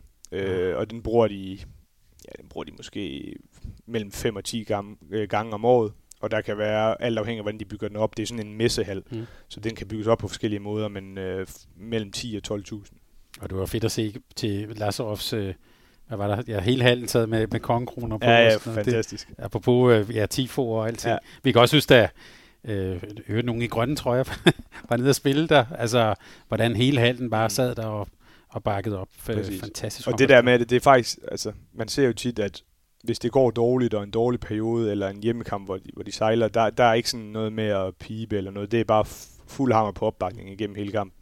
Det kan man jo synes om, hvad man vil, men, men det gør i hvert fald, at der er, ikke er den modgang fra, fra hjemmefansene øh, ned mod, mod et eget hold. Og en, en stor og, og særlig klub, som jo spiller en, en lidt underlig hal, synes jeg. Øh, Montpellier, mm. der er vi helt i det, i, det, i det sydlige Frankrig. Der er Andreas Holst kommet til. Mm. Det tænker jeg, det er et, øh, han har sagt, et kæmpe skifte. Øh, både for ham, men måske i virkeligheden også for Montpellier. Jo, men det, er jo, altså, det kom jo lidt ud af ingenting. Øh, Karl Valinius blev solgt til Kiel, som jo hentede ham, fordi Sargussen blev skadet, og femårig kontrakt til ham og sådan ting, og så skulle de jo finde noget nyt. Øh, og jeg synes egentlig, det er meget godt set af dem, at de mangler lidt skud for bagkæden. Altså, de har jo øh, Diego Simone, og så har de jo købt øh, Skube fra, fra Kjelse, som bliver rigtig spændende at se. Øh, små, hurtige spillere. Ville Monet, som jo, vi skal huske at nævne Montpellier, det er jo en af de klubber i verden, der udvikler flest spillere, og han er jo fra egen avl, øh, og han tog, øh, altså, han har jo været udset til en af de største talenter i verden, altså lige siden ungdomslandsholdsårene, men det har, det har taget lidt længere tid, end jeg havde forventet, men seneste sæson synes jeg virkelig, at han var god. Men der er ingen af de tre, der sådan for alvor kan åbne ud bagfra. Det kan Andreas Holst jo. Øh, han har jo haft virkelig mange skader, desværre. Øh, og haft det svært med, med den store konkurrence, der har været i Aalborg. Øh, så jeg synes virkelig, at det er fedt, at, at sådan en spiller får den chance nede i Montpellier, og en treårig kontrakt, og øh, det bliver spændende at se, hvordan han reagerer. Altså, man hører mange historier om, hvordan tingene kører dernede, og Kanaye, som har været træner dernede siden 93, øh, ja. styrer jo tingene. Øh, og der er folk, der kan lide ham, der er folk, der ikke øh, rigtig kan lide ham, øh, hvad det angår. Så øh, det bliver spændende at se, om, om det kan køre. Men som jeg kunne forstå, har han gjort det helt fantastisk. Han var jo dernede i, i en uge øh, og, og træne med, og de her ting, og der har det gået rigtig, rigtig godt. Så jeg håber, at øh, hans krop kan holde til det, men det er i hvert fald en rigtig, rigtig fed klub, han kommer ned til med en fantastisk øh, historie. Nu siger du godt nok, at øh, de har en lidt spændende hal, men altså, jeg har selv spillet ned i, i den gamle hal øh, på nu, som nu bygger de så en ny hal. Altså, de har jo en til 9.000 øh, kæmpe arena, som de bruger øh, ja, 3-4-5 gange om året, og så bygger de en helt ny en lige ved siden af. Så de, nu kører de med tre forskellige haller, så der, der bliver skiftet lidt alt afhængig af, hvem de møder, og hvor stor en kamp det er. Det, må, det er noget af en luksus for sådan en klub. Ja, jeg tror, det var den store, jeg tænkte på. Den ja, det var den store, ja. Nej, den er, den er for stor for dem, tror jeg. Og vi kan lige gentage, nu havde vi 2005, altså han har været der siden 1993. Mm. Det er jo, det får Alex Fergusons periode i Manchester United til at ligne ingenting. Øh. Præcis.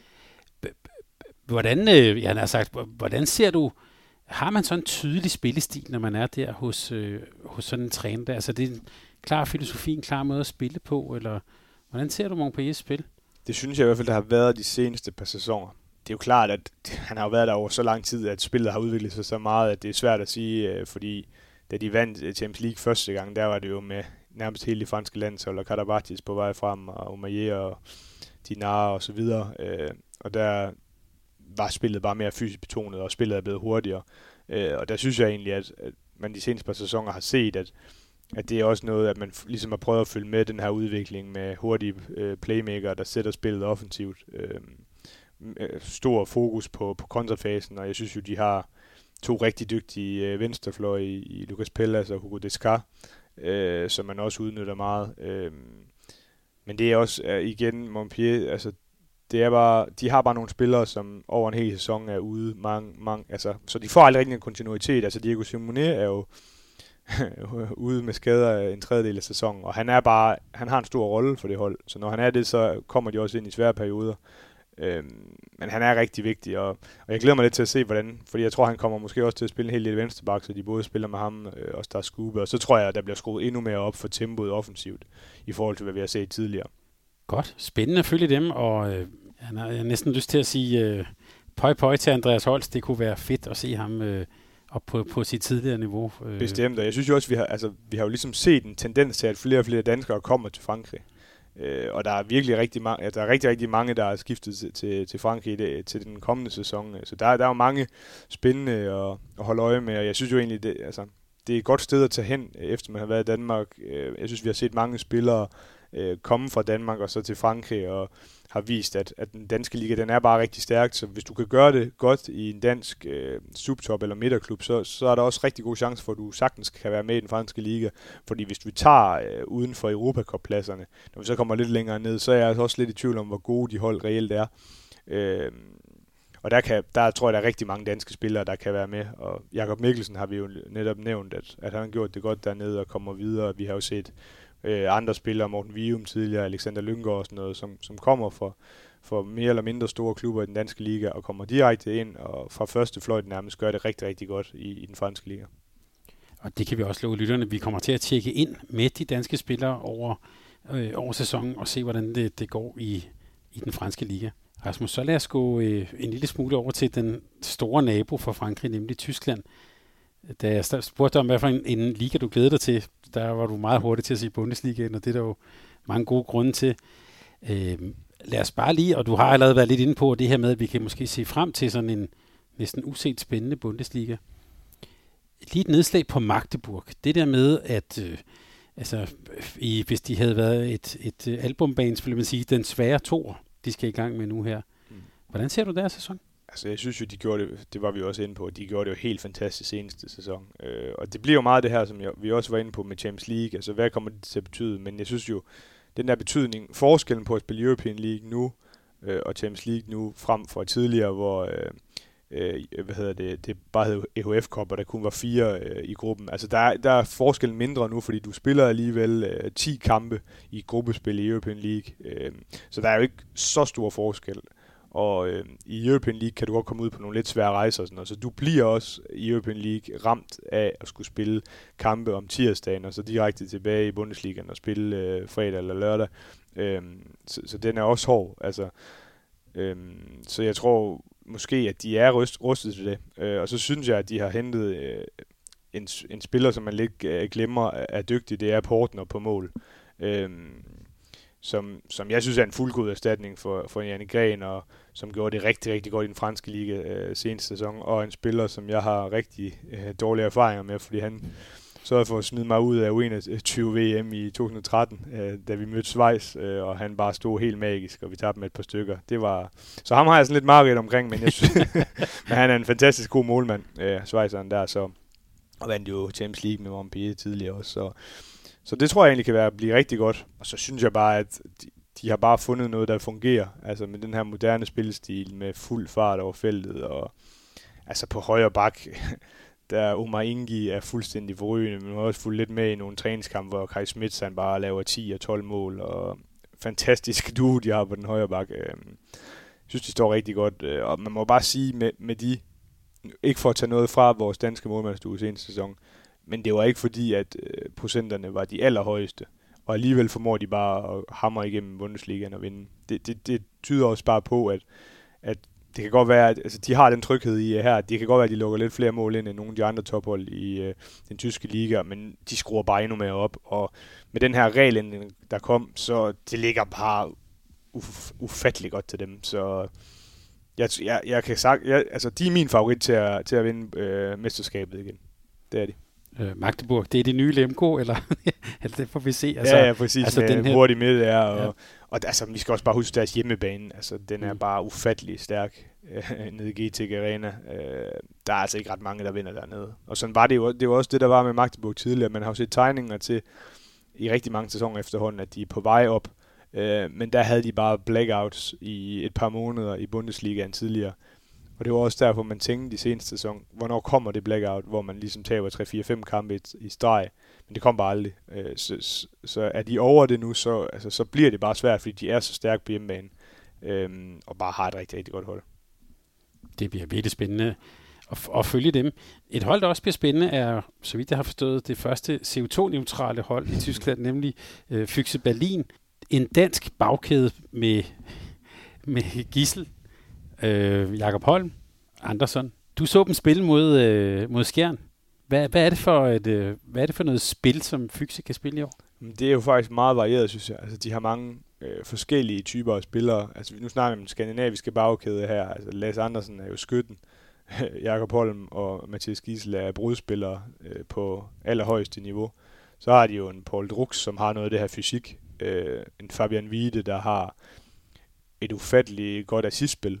Øh, så de, de har bare, i bagkæden synes jeg bare, at de har rigtig mange forskellige typer, og det tror jeg virkelig også øh, kan gøre, at de får et meget, øh, meget spændende spil, altså sådan et varieret spil, så, som de hele tiden kan skifte rundt på. Øh, så synes jeg, at de ser endnu stærkere ud defensivt i, i den her sæson, også med øh, Milosavljev, som jeg jo måske, ham kunne jeg måske godt smide op i en ja, det top 5, måske.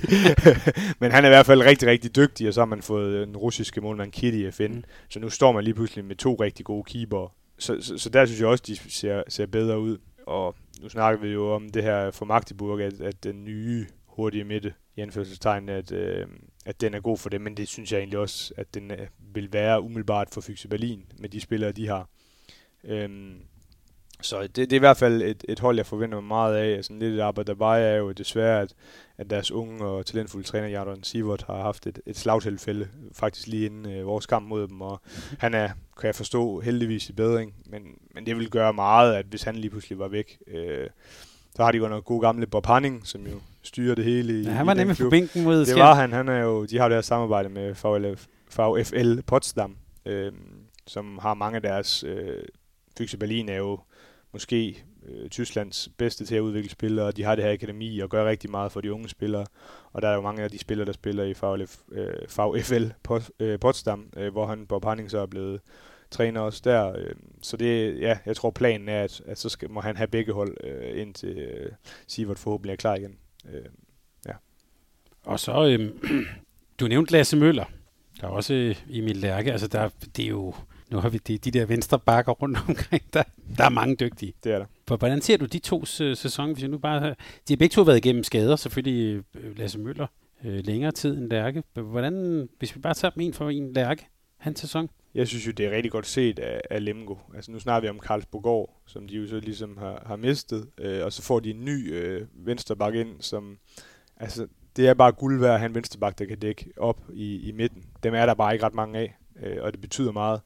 Øh, jeg synes jo, at Emil Lærke har, har vist gennem længere tid, at, at, at han bare er en sublim god håndboldspiller. Øh, han har jo måske været sådan lidt øh, ramt af, at der er nogen, der lige pludselig overhælder ham lidt. Øh, en pytlik, som mm. kommer sådan, altså ikke kommer ud af ingenting, men det er gået, hans udvikling er måske gået hurtigere, end man regner med, og så øh, Emil Lærke kom lidt øh, bagefter ham, og han havde den her akillesceneskade, og så det har taget lidt længere tid, men jeg synes, det der det er et rigtig godt skifte.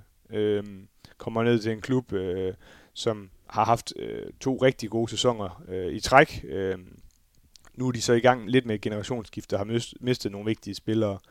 Øh, ja, selvfølgelig Karlsborg, men også Bjarki Mar Ellison på, på venstrefløj. Øh, men, men det er jo, jeg vil ikke sige, det er en til en, men, men det er den samme type, og han kommer til at få, øh, få en kæmpe stor rolle. Øh, så jeg synes, at det er et meget, meget godt valg af ham at tage til Lemgo. Det synes jeg, og hvis vi skal tage Lasse Møller, så er det jo lidt en anden ting. Altså det, det er jo næsten, for Flensborg er det jo nærmest at få en ny spiller. Ja. Øh, den krop, der den har efterhånden været alt for meget igennem øh, knæet. Øh, jeg håber virkelig, at han kan, fordi han har bare noget x-faktor. Jeg, og jeg håber virkelig, at øh, Flensborg, de formår ligesom at, at bruge ham øh, fornuftigt. Øh, fordi der, altså nu synes jeg, at de har en, en rigtig bred trup til den kommende sæson. Øh, så de burde der virkelig være mulighed for. Men, men tidligere har de bare været ramt af nogle skader, der har gjort, at de har er drevet lidt rov, øh, rovdrift på nogle af deres spillere, og det er jo nok det eneste, der ikke måske for, for Lasse Møller.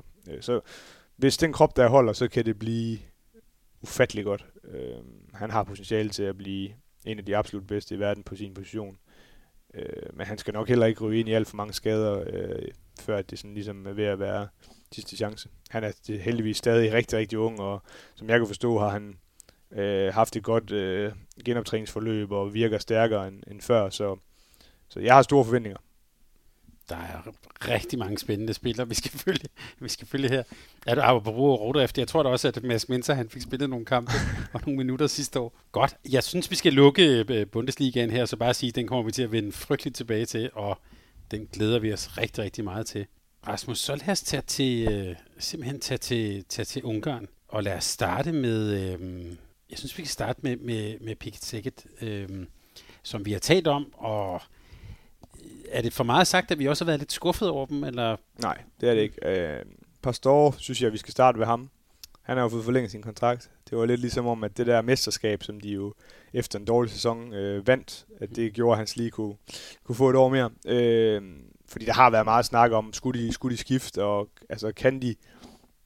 Fordi det er helt store, altså nu er de jo efterhånden ved at have vundet øh, en hel del faktisk i, i Ungarn, hvilket er nyt for dem. Der var jo den her med, at der gik 11 år de havde tre mesterskaber, og der gik 11 år imellem dem, men nu er de jo sådan kommet ud over det, og har, har vundet øh, ja, et par år i træk, og har gjort det rigtig godt i den ungarske liga, men har haft større problemer i Champions League, hvor det, altså, det er helt store mål for dem nu. Med den nye store arena, og flere penge, og større signings, det er at komme i Final Four. Og altså, jeg synes virkelig, de blev hårdt ramt af det her corona, hvor de i den grad havde holdet øh, i flere sæsoner i streg til at ryge i Final Four.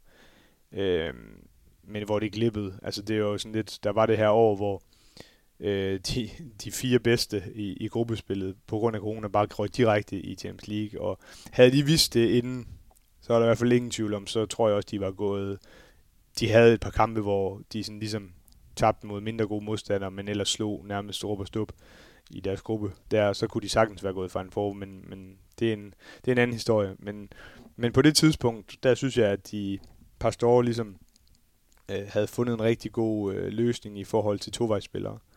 Øhm, de havde Canellas, som gjorde det godt i begge ender af banen. De havde Marquette, der gjorde det godt i begge ender af banen. De havde øh, Schellmann, der gjorde det rigtig godt i begge ender af banen. Øh, med flere. Øh, det hold, jeg ser nu, det er et hold, hvor de har nogle rigtig dygtige forsvarsspillere, og så har de nogle rigtig dygtige angrebsspillere. De har ikke ret mange tovejsspillere, og det ser jeg som deres helt store udfordring. Øh, fordi offensivt, Bombac, øh, fantastisk spiller. Martins, fantastisk spiller. Øh, defensivt, Markovsek, fantastisk dygtig øh, i den del af banen. Og så den eneste sådan reelle øh, tovejsspiller, de har, det er, ban, synes jeg, er sådan Banhidi. Øh, og han var rigtig meget skadet seneste sæson, og missede jo nærmest øh, EM i, i Ungarn og så videre. Så, så de, jeg forstår ikke helt deres rekruttering. Øhm, og det er ikke rigtig blevet bedre til den kommende sæson, så jeg har ikke, jeg har ikke sådan helt vildt store forventninger til dem, men omvendt har de bare øh, en stærk hjemmebane, og de har et rigtig godt hold på papiret. Øhm, men, men det er ligesom om, at altså sådan, den måde, det er sat sammen, det, det passer ikke rigtigt. Så jeg er meget spændt på at, at se dem, øh, også fordi der er et kæmpe pres på dem nu. At det, det er den der Final Four, den skal de ind i, i, i den her sæson, og som, vi var, som jeg var inde på tidligere, så er der bare ja, efterhånden en, en 10 hold, der nærmest øh, har de ambitioner. Så det er jo ikke nemt. Så har de altså også noget, som du ikke nævnte. øh, efter min mening, nogle af de flotteste dragter i europæisk håndbold. Så jeg tænker, hvis vi hver måned skal have øh, nogle forskellige koringer nu, vi starter i dag med top 5 målmænd, så kan det være, at vi næste gang skal have de flotteste dragter i Europa. Ja, der synes jeg, at, at de er i hvert fald en af... Jamen, jeg tager også lige til næste gang, der går jeg lige ind, og så kigger jeg lige øh, på alle målmænd i verden, og så får jeg, fordi det kan godt være, der kommer en udskiftning, så. det, det, men det er jo lidt sjovt med de her dragter, øh, eller ikke sjovt, men det er jo, altså, håndbolddragter mellem dig og mig det her bliver ikke optaget, vel? de, de, de der er en rød knap, de, er, de er jo ikke ret flotte. Altså, de, jeg synes jo næsten, de flotteste, det er det, de hold, der ligesom har, altså, er fodboldhold. Mm. Fordi så har de nogle dragter, ligesom fodboldholdene. Øh, men det kan da godt være, altså, jeg synes jo farverne er meget pæne i Pixel, det kan du godt ret lide. Men, men ja, Sporting Lissabon kunne selvfølgelig også være en... Øh... Ja. Ja, jamen, der, der er nogle gode... Der, der har du fået, der har du fået, så skal det være nogen, der ikke har noget med fodbold at gøre. Jamen, sælge, synes jeg, i rigtig mange år har haft nogle fede øh, dragter. Øh, nu er de så gået fra Nike til Joma, tror jeg. Ja. Og de er ikke blevet grimme, men de, men de har jo så også den her øh, øh, Lasco-øl, ja. som jo er den her store... Øh, ja, det her store bryggeri i, i Østeuropa, og det er jo nærmest kun dem, der er på trøjen, og det gør bare meget for en trøje, at der ikke er 57 forskellige sponsorer. Øhm, så, så det vil nok være mit bud, øh, sådan lige på stående fod. Fedt. Jeg har, endnu, jeg har endelig mødt en, der også går op i dragter. Det ja, ja. glæder mig ret. Jeg har et, en samling på 100-200 herinde i skabet, så. det er godt. Den har vi også, det er den, jeg skrevet på, på listen her. Men lad det tilbage til banen. Øhm, Lekai mm. er skiftet mm. til, til FTTC. Mm. Du, øh, du skrev til mig, at det er et overraskende skifte. Jamen det er det jo lidt, fordi han i langt, eller i mange år har haft en, en relativt stor rolle og været inde omkring. De har det her anførerhold. Det er jo Lauke, der anfører, men så har de sådan tre, og der plejer han også at, at være en del af dem. Og, øhm, det er da lidt overraskende, også fordi jeg synes, at øh, Vestbrem, så brede er de heller ikke øh, i bagkæden længere. Altså der var jo en gang, hvor de havde 25 spillere på kontrakt, men, men når man så alligevel kommer til at tænke over det, så giver det okay mening. Øh, Ungarn Øh, er også rigtig stærke på, på ungdomssiden, og virkelig satser i den del, og de har jo en ung øh, playmaker, som også gjorde det rigtig godt ved, i, her i, øh, til sommer, eller i sommer øh, i ungdoms øh, øje med øh, i U20, øh, Peter Lukas, øh, og der bliver mere plads til ham nu. Øh, og det er jo også bare, altså det er jo noget, der ligesom bliver lagt pres på. Det er jo, håndbold i Ungarn, det er jo en lang historie, øh, og det er jo lidt statsstyret. Og der er jo lidt pres på i forhold til, at nu havde man lige en slutrunde, hvor man nok har brugt lidt penge på at få banket et par hæler op, og det gik ikke helt, som man håbede, kan vi vist roligt sige. Mm. De vil rigtig gerne, at, at de store klubber øh, også har nogle øh, unge øh, talenter fra Ungarn. Og, så på en eller anden måde ligger jeg ved at være godt op i årene.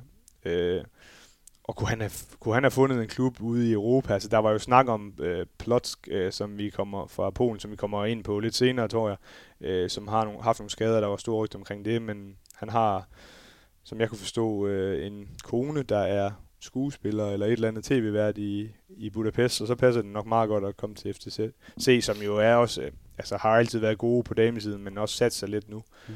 på, på herresiden, hvor de jo øh, er gået i Europa for første gang i mange år, og har en, har en okay spændende trup. Så kommer han ind der og stjernen, og så, så, så det giver egentlig okay mening, når man lige sådan tænker over det. Men jeg var lidt overrasket, da jeg så det, og jeg synes, øh, man kan kun anbefale, at folk går ind og oversætter nogle af de kommentarer, der er på, øh, på face, øh, Facebook, på Vestbrems side. Det er altid meget, øh, meget underholdende. Og jeg kan i hvert fald sige, at de var ikke tilfredse øh, i forhold til, at, øh, at han skiftede, fordi han er sådan lidt en cool figur. Godt nok har han jo, det er jo lidt paradoxalt, at han så har spillet tidligere i Sækkes, men det var kun to sæsoner, og så var han i, i Sælge, inden han kom til, til Vestbrem. Og der er jo ikke så mange, der sådan laver det her forbudte skifte. Det er blevet mere med år, eller flere med årene, men, men han er virkelig blevet sådan en, en stor spiller i øh, Vestbrems øh, historie. Øh, så, så det er jo, det kom lidt ud af ingenting. Det er simpelthen Vestbrems Facebook-side. Ja, det, det kan anbefales. Der er gang i den. det, det er hermed givet videre. Det er, gode, det, det, det er gode tip.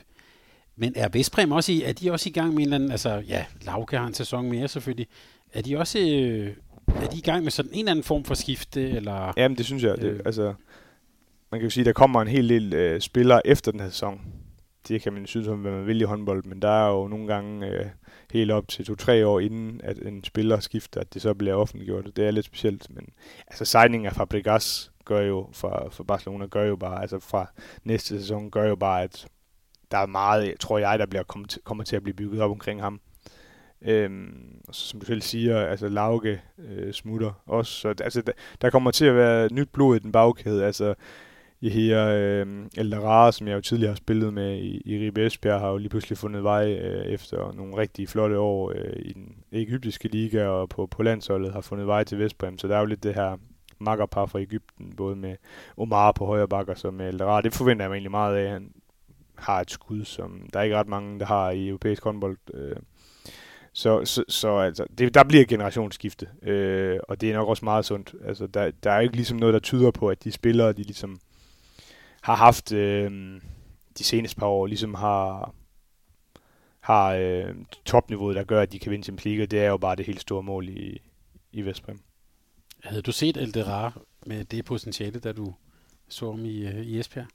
Ja, altså det er jo nemt at sige, mm. men det var meget, meget svært ophold for ham i Esbjerg. Det kunne vi have en hel podcast omkring. Der var ikke rigtig noget, der ligesom gjorde, at han kunne præstere. Øh, og han havde nogle problemer med sine skuldre. Man kan så sige, at det er sjovt, sådan en spiller, så har han problemer med sine skuldre. Han var jo meget ung, og det var første gang, han var væk fra, fra sin mor og far. Så kommer han fra Cairo til øh, Lille Esbjerg. Det, er jo, det var lidt noget andet. Men han var ikke ret god til at passe på sine skuldre, lad os bare sige det sådan. Øh, og det gjorde jo, at han havde svært ved at præstere. Og så ville han egentlig gerne have fortsat i Europa. Men der var jo sådan noget i forhold til militæret og hans lillebror, som er rigtig, rigtig dygtig, og i øvrigt også skal, skal til Europa og spille øh, nede i Frankrig nu, øh, Seif, øh, der gjorde, at hvis øh, han ikke tog tilbage til Ægypten, så skulle hans lillebror i militæret, og det var han ikke interesseret i. Så det var jo en lidt speciel historie. Men nu er han tilbage, og altså, jeg synes jo, han har vist... Øh, i, i slutrunderne, og det er, jo, det er jo der, vi sådan for alvor kan måle ham, fordi den egyptiske liga, der er kun to hold, så Malek og Al som, som kan noget, og der bliver de ikke sådan for alvor presset. Øh, men i, i slutrunderne har han gjort det rigtig godt, og han har bare noget, altså, noget x-faktor, fordi han har et helt magisk skud. Altså hans arm, den er meget speciel. Er med god i ved VM på hjemmebane. Altså, ja, der vildt. synes jeg, man så det der, altså man, jeg synes jo på en måde godt, man kunne se, der var noget potentiale, lidt uforløst, det var fedt at se ham mm. spille på det niveau i, ja, bestemt. Øh, i, i, i den slutrunde. Godt. Er der, mangler vi noget for Ungarn? Jo, vi kan måske godt snakke lidt om Tatabanya. Øh, det er måske ikke sådan en klub, som alle kender så godt, men en klub med kæmpe store øh, ambitioner. De har fået en ny hal i forbindelse med øh, EM-slutrunden dernede, og havde en forfærdelig seneste sæson, hvor de slet ikke formåede at komme i Europa, og der er øh, fem øh, fem hold fra Ungarn, der kvalificerer sig til Europa, så det var en kæmpe, kæmpe overraskelse og skuffelse. Øh, Vestbrems øh, anden hold, kan man næsten godt kalde det. Øh, de har jo to hold i den bedste række, og de kvalificerede sig faktisk igennem øh, pokalen, så de har jo to hold med i Europa. Øh, så, så, og de er slet ikke med. Øh, de har så skiftet rigtig meget ud, men det er en rigtig pengestærk klub, som også tidligere har vist sig sådan lidt i, i Europa øh, og på vej frem, og har ambitioner om på sigt at gå op og drille øh, Sækket og, øh, og Vestbrem. Øh, det bliver spændende at se, hvordan de klarer sig. De har taget rigtig mange øh, af spillerne fra Pellister i, i Nordmakedonien, øh, og som gjorde det rigtig fint i seneste sæson. Så, så, så dem kommer jeg i hvert fald til at holde lidt øje med, hvordan det går dem. Øh, fordi de, de lavede nogle helt skøre resultater seneste sæson, hvor de tabte til, til nogle hold, som det burde ikke kunne lade sig gøre med, med den spillerstrup, de havde. Så det, det bliver lidt spændende at se, øh, hvordan går det dem.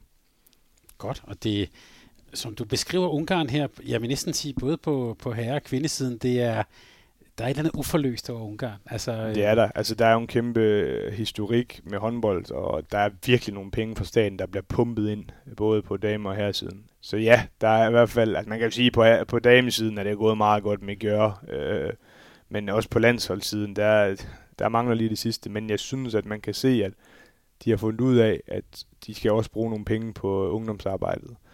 Og der kommer nogle rigtig spændende spillere op. Øh, det, nu er jeg ikke lige så godt øh, inde i, i damesiden, men det virker også som om, at der er nogle spændende spillere der.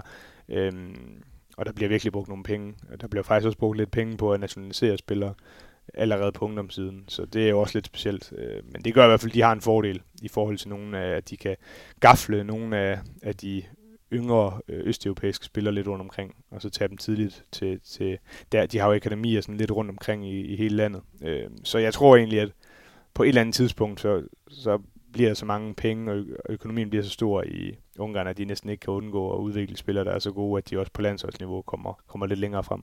Jeg kan sige, at når vi taler om international kvindehåndbold her på kanalen, med, blandt andet med Martin Albersen, det er, altså, det er et evigt tilbagevendende emne. Mm. Det der med, at de ungarske unge kvindehold, altså det var det også igen i sommer her, sindssygt gode ungdomshold. Og så når det bliver senior, så har vi Nomi Hafra, der nu er kommet til Odense. Mm. Altså, man sidder næsten og håber på, at de slår igennem, for potentiale er der i hvert fald. Ja, og man kan sige, altså, den, det er jo måske lidt det samme øh, på damesiden for den danske dameliga, hvor man i mange år snakket om, at den er så stærk, at der er plads til de unge spillere, og det har jeg fornemt, at det er lidt det samme i den ungarske liga, som også er rigtig, rigtig stærk. Der, det er ikke sikkert, at der på samme måde er plads til dem. Det er sværere for dem at komme ind. Jeg glæder mig også allerede nu til at følge op på, øh, på det ungarske og se, hvordan det går med blandt andet med, med Pik Sækket. Og Tatabanya, det er jo også det er et fedt navn, det kan vi også godt lave en top 5 Og det er jo faktisk, det skal vi også nævne, det er jo Grundfos, der faktisk er navnesponsor øh, nede i, i Tatabanya. Så det er jo lidt specielt også, at vi har en dansk, øh, et dansk firma, der er navnesponsor for, for Tatabanya. Så meget, desto mere grund til at følge dem. Nå, Rasmus, nu skal vi til hellig krig. Og vi skal tale om Plok og Kielse og øh, den, ja, den hellige krig, der altid er mellem dem. Jeg ved, du holder af at se de der opgør mellem de to.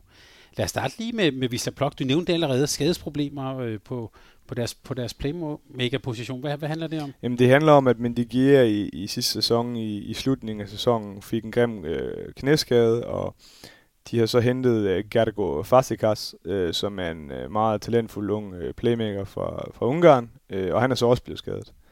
Så de har jo været lidt i problemer. Altså, de, jeg synes jo, øh, uh, Plok er måske en af de mest spændende hold, og gjorde det rigt, var virkelig, virkelig tæt på i, i sidste sæson, og, og Vip Kjelse af, af, af tronen. Øh, og med, altså, Kjelse var jo også et fantastisk hold, så det, det er jo bare rigtig stærkt. Gjorde det også rigtig godt i, i Europa. Jeg synes, de har nogle fantastisk dygtige spillere, og det er jo ikke fordi, at de mangler spillere i bagkæden. Altså Shitnikov har jo i mange sæsoner også spillet på den her playmaker-position, så men, men det var, der var ingen tvivl om, de skulle ind og, og finde og gøre et eller andet, og med det tidspunkt, øh, så er det bare svært. Og kunne det så have været lækker? Det kunne det godt, nok godt, men nu lyder alt, eller tyder alt på, at det bliver Daniel Samiento, som ligesom, øh, han gik jo, øh, øh, han gik jo, øh, eller hvad hedder det, øh, han øh, stoppede karrieren i, øh, i seneste sæson her til sommer, øh, eller i sommer, og så øh, han er så blevet øh, overbevist om, at han ligesom skal fortsætte i et år mere, indtil Mendigia han bliver helt klar. Og det er jo lidt samme type, så, så det synes jeg egentlig er meget godt set af Plok, at, at de kan hente ham ind.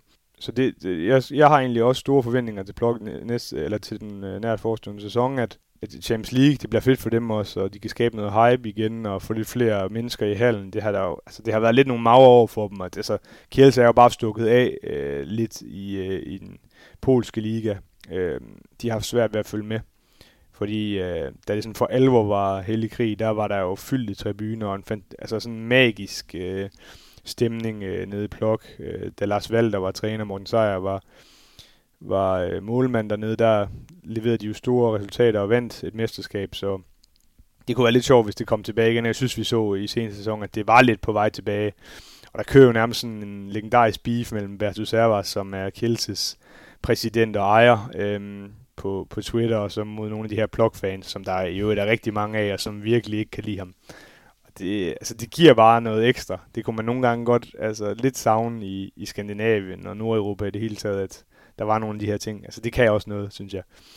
Og det er jo også værd at sige, at det er jo fedt, altså både i Ungarn, det glemte jeg at nævne før, men også i Polen, at de her store kampe, dem kan man jo faktisk se fra computeren af. Der er ikke noget øh, geoblok, som man kalder det. Det kan man bare trykke ind på et link, og så har man de her kampe, der bliver produceret mega fedt, ligesom i Danmark, og der er fuld knald på, og der kommer jo gerne i de her, øh, den her hellige krig, der kommer jo gerne sådan 3, 4, 5 øh, røde kort. Der var jo en kamp i sidste sæson, hvor der var fem røde kort, og ja, tre røde kort efter, hvad ved jeg, 20 minutter. Og sådan, det var helt vanvittigt.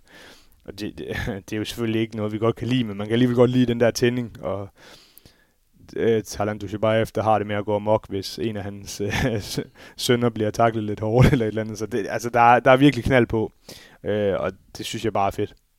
Er der nogen særlig grund til, at man kalder det hele krig? Er det bare... Øh... Ja, det er der faktisk øh, en grund til. Øh, det var en spiller øh, for Plok, som kom med det udsagn tidligere, øh, efter en meget, meget voldsom kamp, hvor der havde været et hav af røde kort, og så sagde han, at det var hellig krig, og så kom det derfra. Øh, og det er efterhånden en hel del sæsoner siden. Og din Twitter-ven, Bertus Servas, ja, altså, det kan vi bare sige, det har vi sagt mange gange her på kanalen. Følg ham på Twitter. Øhm, han har lige været på Færøerne, så jeg. Ja, jamen, jeg har snakket lidt med ham, om hvem han skulle op og hente der, men det vil han ikke rigtig ud med. Han, det var, han sagde, at det var ferie. Ah, så, okay. øh, men nej, altså han er jo faktisk en, han er jo en meget speciel øh, person, og øh, meget unik. Øh, men han kan godt lide at udfor, uh, udforske øh, uh, ting, og så, som jeg kunne forstå på ham, så var det fordi, at han ville gerne op og se, hvordan det, de udviklede så mange gode spillere, altså 50.000 uh, øh, indbyggere, hvordan kan de gøre det. Um, så det var inspirationstur. Uh, men der er jo også uh, ja, nogle gode spillere uh, fra Færøerne, så det er jo spændende at se, om, om han kunne finde på at hente en til. Han, de har jo haft islandske spillere, både før i tiden, men også uh, nu, så det kunne godt være, at, øh, at han kiggede den vej, og de har det jo det er jo også lidt specielt med Kielse, at de har jo, jeg tror, de har 30 spillere på kontrakt, øh, men så udlejer de dem jo. Så det er en meget, det er jo lidt den her fodboldmetode, og jeg synes, det er jo egentlig det, de ligesom har, har skabt en ting på, at, øh, og så spørger folk, hvorfor gør de det? Det ved jeg ikke, men nu har de for eksempel, hvis vi tager et eksempel med Dodic, Stefan Dodic, som blev MVP ved U20, øh, VM en, øh, serbisk playmaker, øh, som sidste sæson var udlejet til Vardar. Nu er han så lige blevet udvejet, øh, udlejet til, til Zagreb. Øh, ham har de jo styr på. Altså, hvis han bliver så god, som de nok regner med, at han bliver, øh, så har de ham til 2026, mener jeg det er. Øh, så det er jo nok ideen, det er, altså, bliver, hvis han bliver rigtig, rigtig god, så tror jeg ikke, som jeg kan forstå på Bertus Savas, så tror han ikke på, at han kan, skaffe, altså, kan få fat i ham fordi at de ikke har lige så høje lønninger, som, ja, måske i top 3 øh, i verden, og så ryger Dodic måske til en af de tre klubber, men, men det gør han så ikke nu, fordi nu har han nu føler de, at de har styr på ham. Så, så det er jo en lidt sjov måde at gøre det på, men det har også vist sig at have været lukrativt for dem. Altså nu solgte de eksempelvis der skube for 200.000 euro, øh, uden han nogensinde har spillet øh, en, en kamp mm-hmm. øh, i, i Kjelse. Så øh, de har i hvert fald øh, gjort det på, andre, øh, på en anden måde, end, end mange af de andre tophold i Europa har gjort. Men enormt spændende, at tænke, det er jo netop, som mange fodboldklubber vil tænke mm. øh, også danske faktisk, som jo også har det her med at have et akademi, og så måske lege nogle spillere ud. Øh, så kan man så sige, at transfersummerne er jo selvfølgelig mindre i Meget mindre, men ja. på alle måder prisværdigt, hvis vi har en sådan en klubdirektør for en kæmpe europæisk klub, der tager sig til Færøerne for at se, hvad det de gør det op. Mm. Den nysgerrighed kunne man måske godt give videre til andre. Kjelse har jo simpelthen så mange spillere, udover dem, mm. de har lejet ud, og sådan, ja. øh, ser de lige så stærke ud til den kommende sæson? Jeg synes jo næsten, de ser stærkere ud. Altså, den her franske connection med både Remeli og Kunku, altså, mm. det, det, det, ser rigtig øh, stærkt ud, og jeg synes, det bliver spændende at se, hvordan de sådan blander kortene i forhold til, at man godt kunne forestille sig, at både øh, Alex Dushibayev og Remeli kan spille samtidig. Altså, han har jo lidt ligesom sin far det her play, altså han spiller jo lidt ligesom en playmaker på, på højre bak, så kunne han ikke godt spille øh, i midten, som han også har gjort tidligere, jo, det tror jeg godt, han kunne, og det, det, det er i hvert fald noget af det, jeg holder øje med her i opstarten, om nu har Remi Liv så været lidt skadet, og der har været meget snak omkring, at, at nogle af de spillere, der er blevet hentet til i år, har, har, har bøvlet med skader. Elliot Stelmalm, som er den her spændende øh, svenske vensterbak, øh, bruger til, til Philip Stelmalm, øh, som mange måske kender fra, fra tiden i Kolding København og Kolding, øh, at, at de har været skadet øh, og, og har ikke været med i opstarten og sådan nogle ting. Det kan godt måske øh, gøre, at det kommer til at tage lidt længere tid for, for Kjelse at få spillet alle de nye spillere ind, men altså, de har, jeg synes, de har et fremragende hold og, og en af de bedste hold på papiret. Ja, Elias Stenmann, hvis man følger med i, i svenske medier, det, det er i hvert fald også en, de forventer så meget af. Sådan, øh... Ja, der har jo været meget snak i svenske medier i forhold til, at man nok aldrig har haft så mange spillere i, ude i de allerstørste klubber i Europa. Altså nu fik de jo Karlsborg og Varne til Barcelona, øh, Erik Johansson og Karl Valinius til, til Kiel, og så øh, eller Stenholm til Kielse. Og så, altså, de har rigtig, rigtig mange dygtige spillere rundt omkring i de allerbedste klubber i Europa. Og det kan vi jo så også godt se, øh, at de er bare blevet rigtig, rigtig stærke også på, på landsholdet. Så øh, det bliver lidt spændende at, at følge med i, øh, at, om de kan blive ved med at udvikle de her spillere, det, det tyder det jo på, at de kan. Gode ungdomshold også, øh, rigtig gode, som ja. vi også så i, ved slutrunden her. Godt. Holy War. Vi, øh, vi, vi sætter lige nogle krydser i kalenderen, hvornår ja, det skal det være, så vi. kan vi bage lidt op til det. Ja, den er på bucket ja.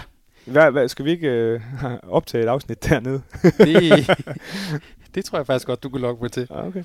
Rasmus, øh, vi er faktisk ikke helt færdige nu, selvom vi har, vi har bevæget os ud over den magiske time. Øh, men øh, vi skal slet ikke stoppe endnu. Jeg håber, du kan, er, er klar på et par lande mere. Selvfølgelig. Nu gør vi det lidt koldere, selvom vi sidder her i, øh, her i den danske sommervarme. Vi skal til Norge, som du jo øh, kender også ganske indgående. Øh, det er nemt at sige, øh, bare sige Koldstad, men det gode elverum er, jo, er der jo trods alt stadigvæk, selvom der ikke er nogen danskere deroppe. Hvor, er det her, er det sådan en sæson før Koldstad, den her, eller hvordan ser du sådan, øh, ja, tegningen i Norge? Nej, jeg synes, det, det er meget mere åbent, end som så. Altså, Koldstad har mm, nogle dygtige spillere. Det er, det er jo ingen tvivl om. Altså, de har jo fået fem nye, øh, som man sætter ind på et hold, øh, og det tager bare tid. Øh, altså, der er ingen tvivl om, at øh, topniveauet er højt, når man får spillere som Smarterson og øh, Gullerod og øh, Bergerud og ja, øh, Sigvaldi Gudjonsson og også en dygtig forspiller i Vettel Aga. Men øh, altså, Udover det, så er det jo et Koldstad-hold, som spillede rædderligt i, i seneste sæson, og slet ikke var, var i nærheden af noget som helst. Øh, de har nogle unge, dygtige spillere, de har jo også en del danskere i Rasmus Carlsen og øh, Rasmus Mølgaard og Martin Kærgaard også, øh, også på stregen, så, så øh, der er jo nogle ganske fine spillere, men jeg synes alligevel også, at hvis, hvis Elvom rammer det niveau, de gjorde i seneste sæson, så, så, på, på, så på papiret, så synes jeg, de ser stærkere ud. Øhm, det kan så godt være meget... Øh, øh det, det tror jeg, de får svært ved, fordi de har mistet nogle rigtig dygtige spillere. De har, de har virkelig... Altså Elvom er jo en klub, der udvikler rigtig mange spillere til europæiske topklubber, men og de har været rigtig dygtige til, selvom at de har skiftet meget ud, og så finde nogle nye, der også har præsteret. Øh, men de har skiftet ekstra meget ud til den her sæson, og øh, ja, de, har mistet Erik Johansson og Dominik, Dominik Marte på, på de to, to øh, backs, og også Simon øh, Holland Petersen, som var andenvalg på venstre bak. Altså, så de har, de har mistet rigtig mange. Så har de stadig Tobias Grøndal, som er en fantastisk playmaker, som kan sætte spillet op. Og de har hentet øh, Udo Sporsas ned fra øh, Toulouse, øh, en serbisk vensterbak, øh, som, som de har store forventninger til. Men jeg synes dog, at, at de ser lidt svære ud.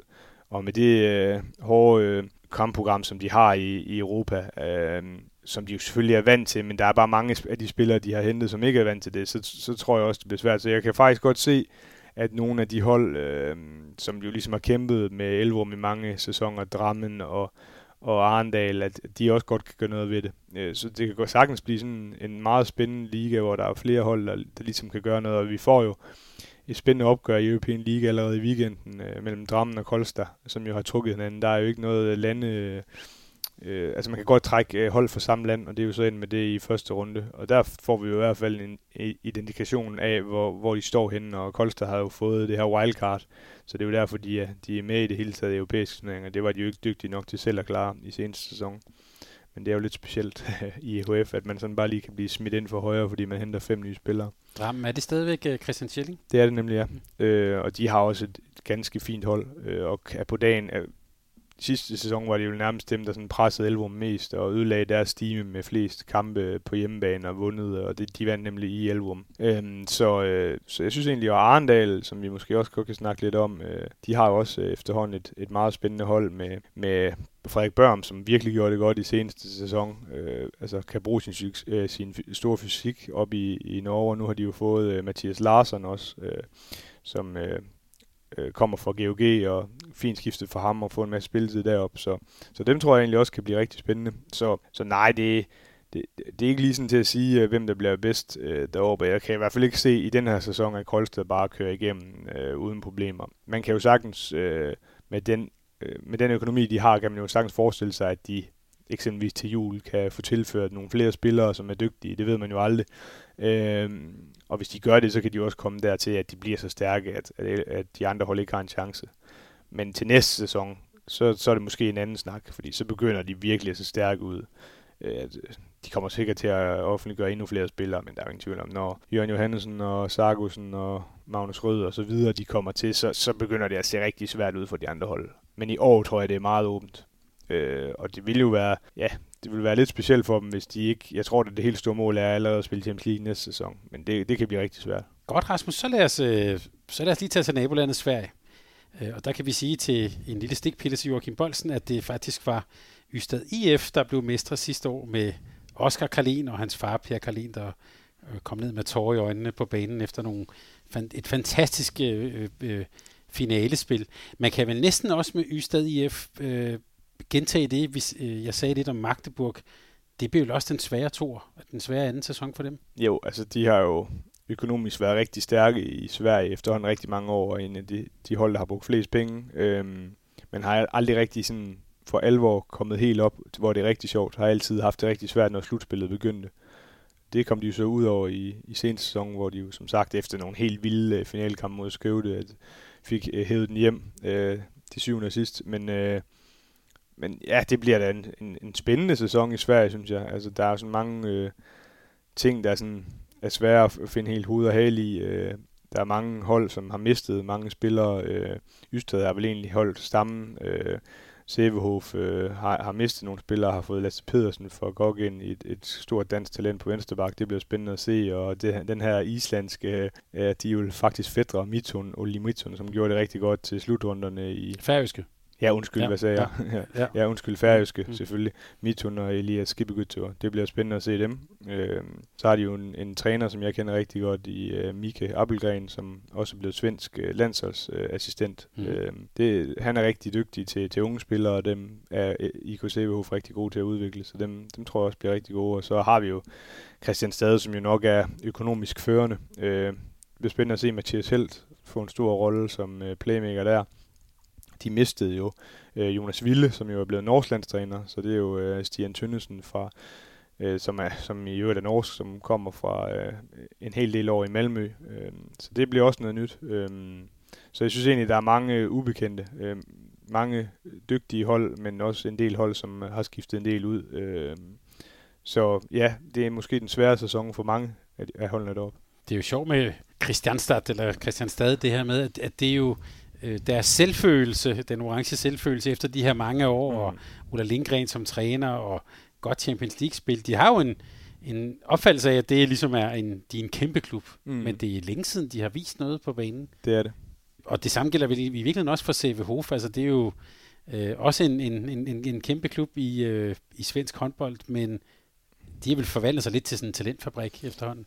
Ja, det har de. Altså, hvis vi lige starter med Christiansted, så er det jo rigtigt, altså de her Ola Lindgren-dage, hvor øh, de var førende nærmest i Skandinavien, Skandinavien, men så er der jo bare sket nogle ting, hvor den danske liga er blevet endnu stærkere, og Koldstad og Elvum er, er blevet stærkere, og så har de bare svært ved at tiltrække de samme spillere, som de tidligere har haft. Øh, og der har talentmassen måske ikke været stærk nok i Christiansted, som jo er en forholdsvis lille by, mm. øh, med en kæmpe håndboldopbakning. Men der har det i hvert fald virket som om, at de har svært ved at, at følge med, og så har de prøvet at rekruttere nogle spillere fra rundt omkring i Europa, og, og det har ikke rigtig fungeret. Så øh, det har virkelig været svært for dem at finde melodien efter øh, Ola Lindgren er stoppet. Øh, så det bliver spændende at se, om det ligesom er Stian Tønnesen, der kan få dem tilbage, fordi de har jo kæmpe ambitioner stadig om at komme op og blive mestre og gøre sig godt i Europa. Men, øh, men, men, men, men det har virkelig haltet på det seneste. Så du øh, Færøerne spille ved slutrunden her i sommer? Ja, det gjorde jeg naturligvis. Hvordan så det ud, da Ole Mitun og Elias Skibgøtter, øh, Ellefsen er Skibgøtter, ja. det vil hans far at sige. Det er rigtigt. Hvordan så de ud sammen?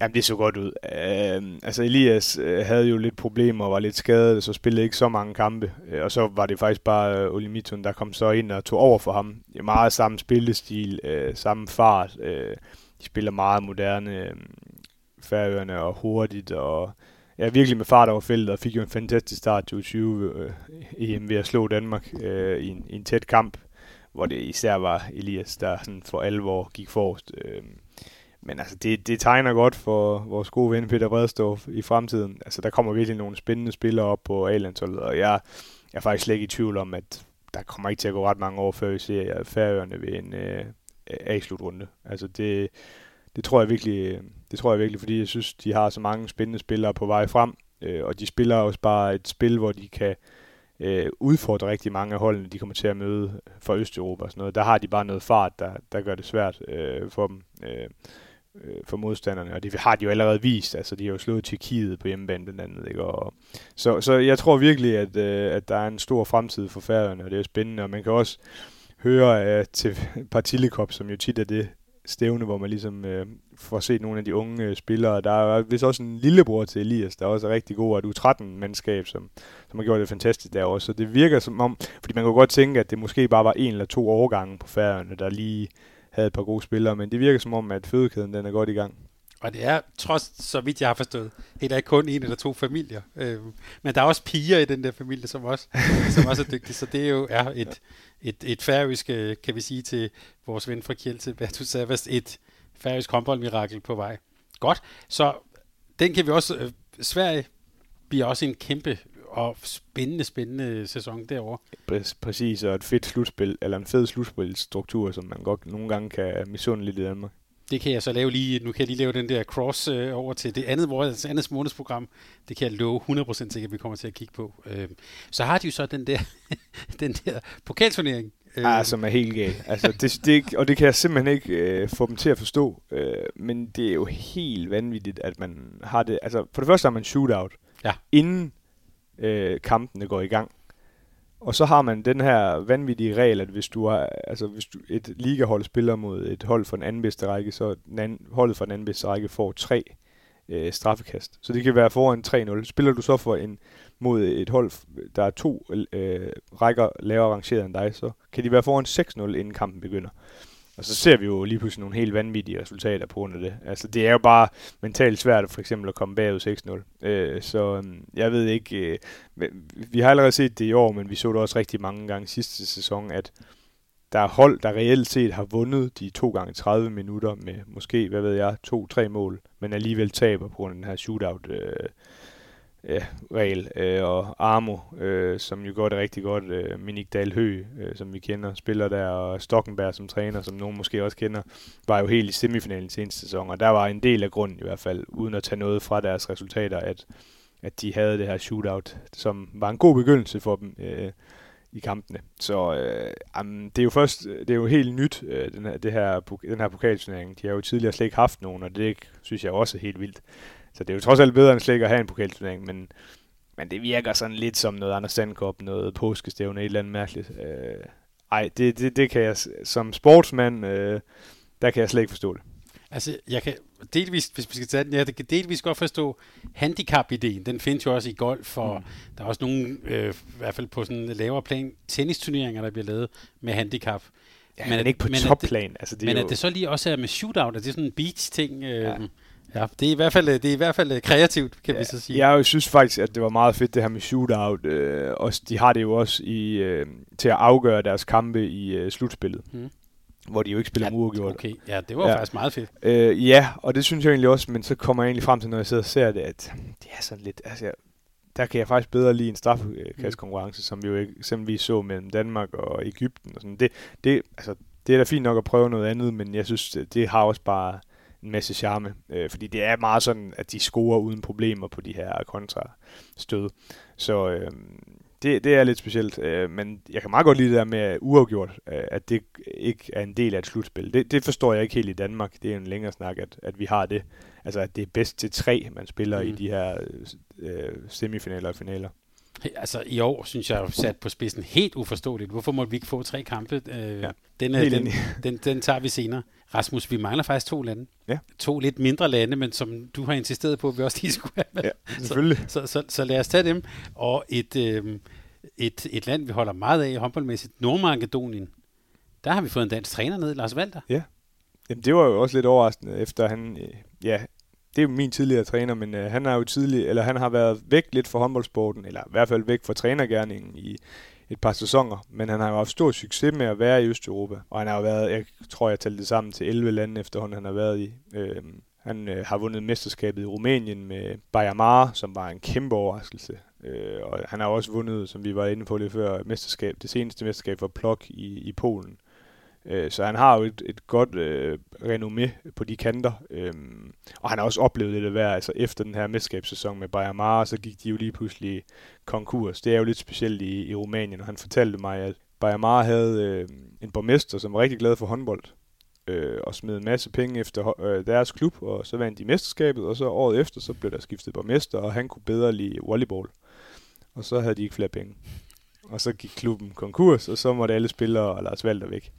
Så det er jo lidt specielt, og, altså ikke at sammenligne det i Pellister, eller i Bitola, som mm. byen jo hedder, jo en kæmpe håndboldby, blandt andet, hvor øh, Lazarov startede karrieren. Øh, ikke at sammenligne det med det, fordi jeg tror nu nok, der egentlig er okay styr på øh, finanserne der, men det er bare Østeuropa, det er meget specielt, og deres gamle, gamle hal, øh, der er jo en fantastisk stemning, men den er jo meget speciel, øh, og de fandt jo så ud af nu her, at øh, deres hal ikke er godkendt til Champions League. Øh, sådan, det er jo egentlig blevet meldt ud for, ja, det er jo 4-5 år tilbage, at fra 2024-25 sæsonen, så skal man have en hal med 4.000 tilskuere for at kunne spille Champions League. Så nu er de ved at finde ud af, om de skal have, skal have lavet en ny hal. Øh, men de har jo skiftet en, en masse spillere, som vi var inde på, at mange af spillerne er, er røget til, jeg tror det er fire eller fem, der er røget til øh, Tatabania, og så har de så hentet lidt ind, men men det helt store øh, spørgsmål er jo, de er jo kommet tættere og tættere på, øh, på Vardar, efter at de øh, fusionerede de to klubber, Eurofarm, øh, Rabotnik og så øh, RK Pellister. Øh, det er vel efterhånden 5-6 år siden. Og der er de så ligesom rykket sig øh, økonomisk tættere på øh, Vardar, og har også været tæt på at vinde, øh, og nu vandt de lige her forleden Superkoppen i, øh, i Nordmakedonien. Og Vardar er jo kæmpe problemer i forhold til, at de havde ligesom sammensat et hold til den kommende sæson, og så fandt de ud af, at de ikke kunne være med i europæiske turneringer på grund af deres finansielle problemer. Og så har de jo mistet både cheftræner og et hav af spillere, så de er jo startet lidt forfra. Så øh, jeg synes, at niveauet på de to hold er meget lige øh, hinanden, så det, det kunne blive rigtig spændende, og der er også en usædvanlig vild stemning. Altså nu har vi snakket øh, Holy War, vi har snakket øh, Vestbrem versus øh, Pixeget, men øh, dernede, der er der også virkelig godt gang i den, og vild stemning i begge haller. Og der har Skjern håndbold også engang spillet, Helt spillet ja. europæisk dernede. Ja.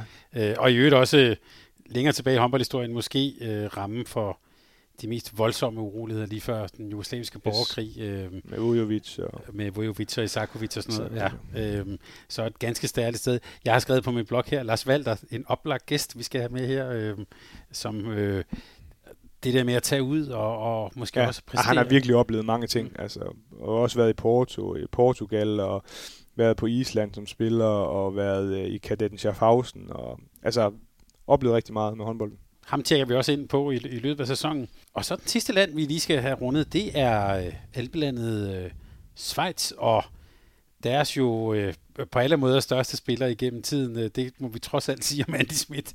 Øh, som, som, øh, som vender hjem til Schweiz. Hvad skal, hvad skal han lave der? Men han skal jo spille i øh, Krigens Luzern, som er det her storsatsende projekt, øh, som jo selvfølgelig er bygget op omkring ham, men som øh, har hentet en del gode spillere, blandt andet øh, danske Johan Kok til den øh, kommende sæson. Han er uheldigvis ude i, i hele sæsonen, men slem skade, øh, så er det så hentet Martin Sibic ind, som kroatisk landsholdsspiller, som også viser lidt om, hvor mange penge de egentlig har. Øh, Fabian Bøhm, som nogen måske vil kende for mange sæsoner nede i Bundesligaen i Hannover, er også taget øh, til Lusan, og de har lavet nogle gode resultater, så der er egentlig okay gang i den, synes jeg, i, i den svejsiske liga. Der, har jo, der er jo en del, altså Schweiz er et rigt, rigt land, og de har øh, haft mange penge i, i ligaen i efterhånden en del sæsoner. Vi havde jo også på spillere være nede, dernede øh, i St. Ottmar, St. Gallen, og øh, Far i Vintertur spillede en fin sæson i seneste sæson, og ja, synes jeg også øh, har et rigtig fint hold på papiret til den kommende sæson. Øh, og Kaden Fausen er jo det helt store hold, øh, og ser også stærkt ud. Gjorde det godt i Europa i seneste sæson. Og, så jeg synes egentlig, det er en lidt spændende øh, ja, liga at følge med i, og det er jo selvfølgelig Andy Schmidt, der er det helt store træk, øh, trækpla- trækplaster, og det er da lidt sjovt at se, at kunne se ham dernede også. Ja, hvis vi lige skal lave en top 3 over svejsiske spillere, så må det jo være Andy Schmidt. Mark Baumgartner. Og så tænker jeg også på Baumgartner. ja, men der er Schmidt jo trods alt. Ja, efterhånden. Altså fem år øh, i træk, mener jeg, han var MVP i, i Bundesligaen, og har et kæmpe navn i Tyskland. Og ja, han har jo selvfølgelig også været i, i Danmark, i Bjergmo Silkeborg, hvor han ligesom for alvor blev udviklet med, med den gode Milutin Dragicevic. Altså deres samspil, det var, det var fantastisk. Så øh, han, er, han er god til at... Det var også derfor lidt synd for Johan Kok. Han kunne virkelig... Altså, ja, man, har, man har set, hvor meget... Øh, og det er jo en sjov øh, karriere, han har haft, Johan Kok. Øh, taget til Sverige i, i Christianstad, som vi snakkede om før, og så videre derfra. Og Berlin er jo en stor klub for ham og har været i. Ikke? Øh, var i Cadencia Fausten og så nu tilbage i Schweiz. Øh, det havde været fedt for ham at få, hvad ved jeg, øh, 500 indspil i løbet af en sæson. Øh, altså man har jo set, hvor meget øh, det betyder øh, at have øh, Andy Smith som stregspiller. Det, der er han dygtig. Man skal nok træne også de der i lavt leje, der kommer sådan rundt. Og bare til sidst her, kan det den uh, Schaffhausen her, som, som, som mange nok øh, vil kende, er det sådan et, ja, hvor, hvor er de sådan europæiske? Er de jo altid med på en eller anden mm. måde, og jo også svære at spille imod. Det har vi også set med flere danske hold. Ja, altså det er jo øh, sådan en lidt speciel klub, fordi altså sådan tilskuermæssigt, der er der ikke en stor opbakning, men der er en pengemand bag dem, der, der smider rigtig mange penge efter det. Øh, ja, og det kan man jo også bare se med nogle af de spillere, de har med Canellas og Sarko Sesum og, og så videre. Øh, og de har det sådan lidt med, at kontinuitet, det er en by i Rusland. Altså, de skifter rigtig meget ud fra sæson til sæson, og træner holder ikke ret lang tid der. Øh, det er blevet lidt bedre nu med Islands træner i Erlingur Rikardsson, som har fået lidt bedre styr på det, virker det som om. Øh, og de spillede en god seneste sæson, så, så det må man jo også... Øh, det bliver også lidt spændende at følge dem i år. Rasmus, det var 10 lande, ja. vi, vi nåede igennem. Og plus vi også fik talt om øh, europæiske turneringer og så videre. Der er vel ikke så meget andet end at sige, at vi glæder os. Det gør vi i hvert fald. Det håber vi, at øh, lytterne også godt øh, kunne mærke her. Og vi har allerede lagt øh, alle mulige spor ud og, og lister, vi skal lave, og vi glæder os simpelthen. Tak fordi vi måtte tjekke ind hos dig, Rasmus. Ja, det var så lidt. Og for at gøre en lang, meget lang historie, som det blev her kort, vi gør det igen i næste måned. Det gør vi. Der har vi også, der er vi også blevet lidt klogere på, hvordan, hvordan de er kommet i gang igen. Og så er der bare til, til sidst at sige tak til Sparkassen Kronland for at gøre alt det, det muligt selv, sådan en udsendelse som denne her. Tak fordi I lyttede med og holdt ud her helt til enden. Tak fordi du lyttede til en podcast af Mediano Håndbold. Hvis du kunne lide udsendelsen, så husk at abonnere på Mediano Håndbold, der hvor du hører podcasts. Så får du den seneste udsendelse serveret direkte til dig. Du må gerne fortælle dine venner om os, og husk at følge os på Facebook, Twitter og Instagram. Mediano håndbold kan lade sig gøre, takket være Sparkassen Kronjylland. Vi har gået hånd i hånd siden foråret 2018.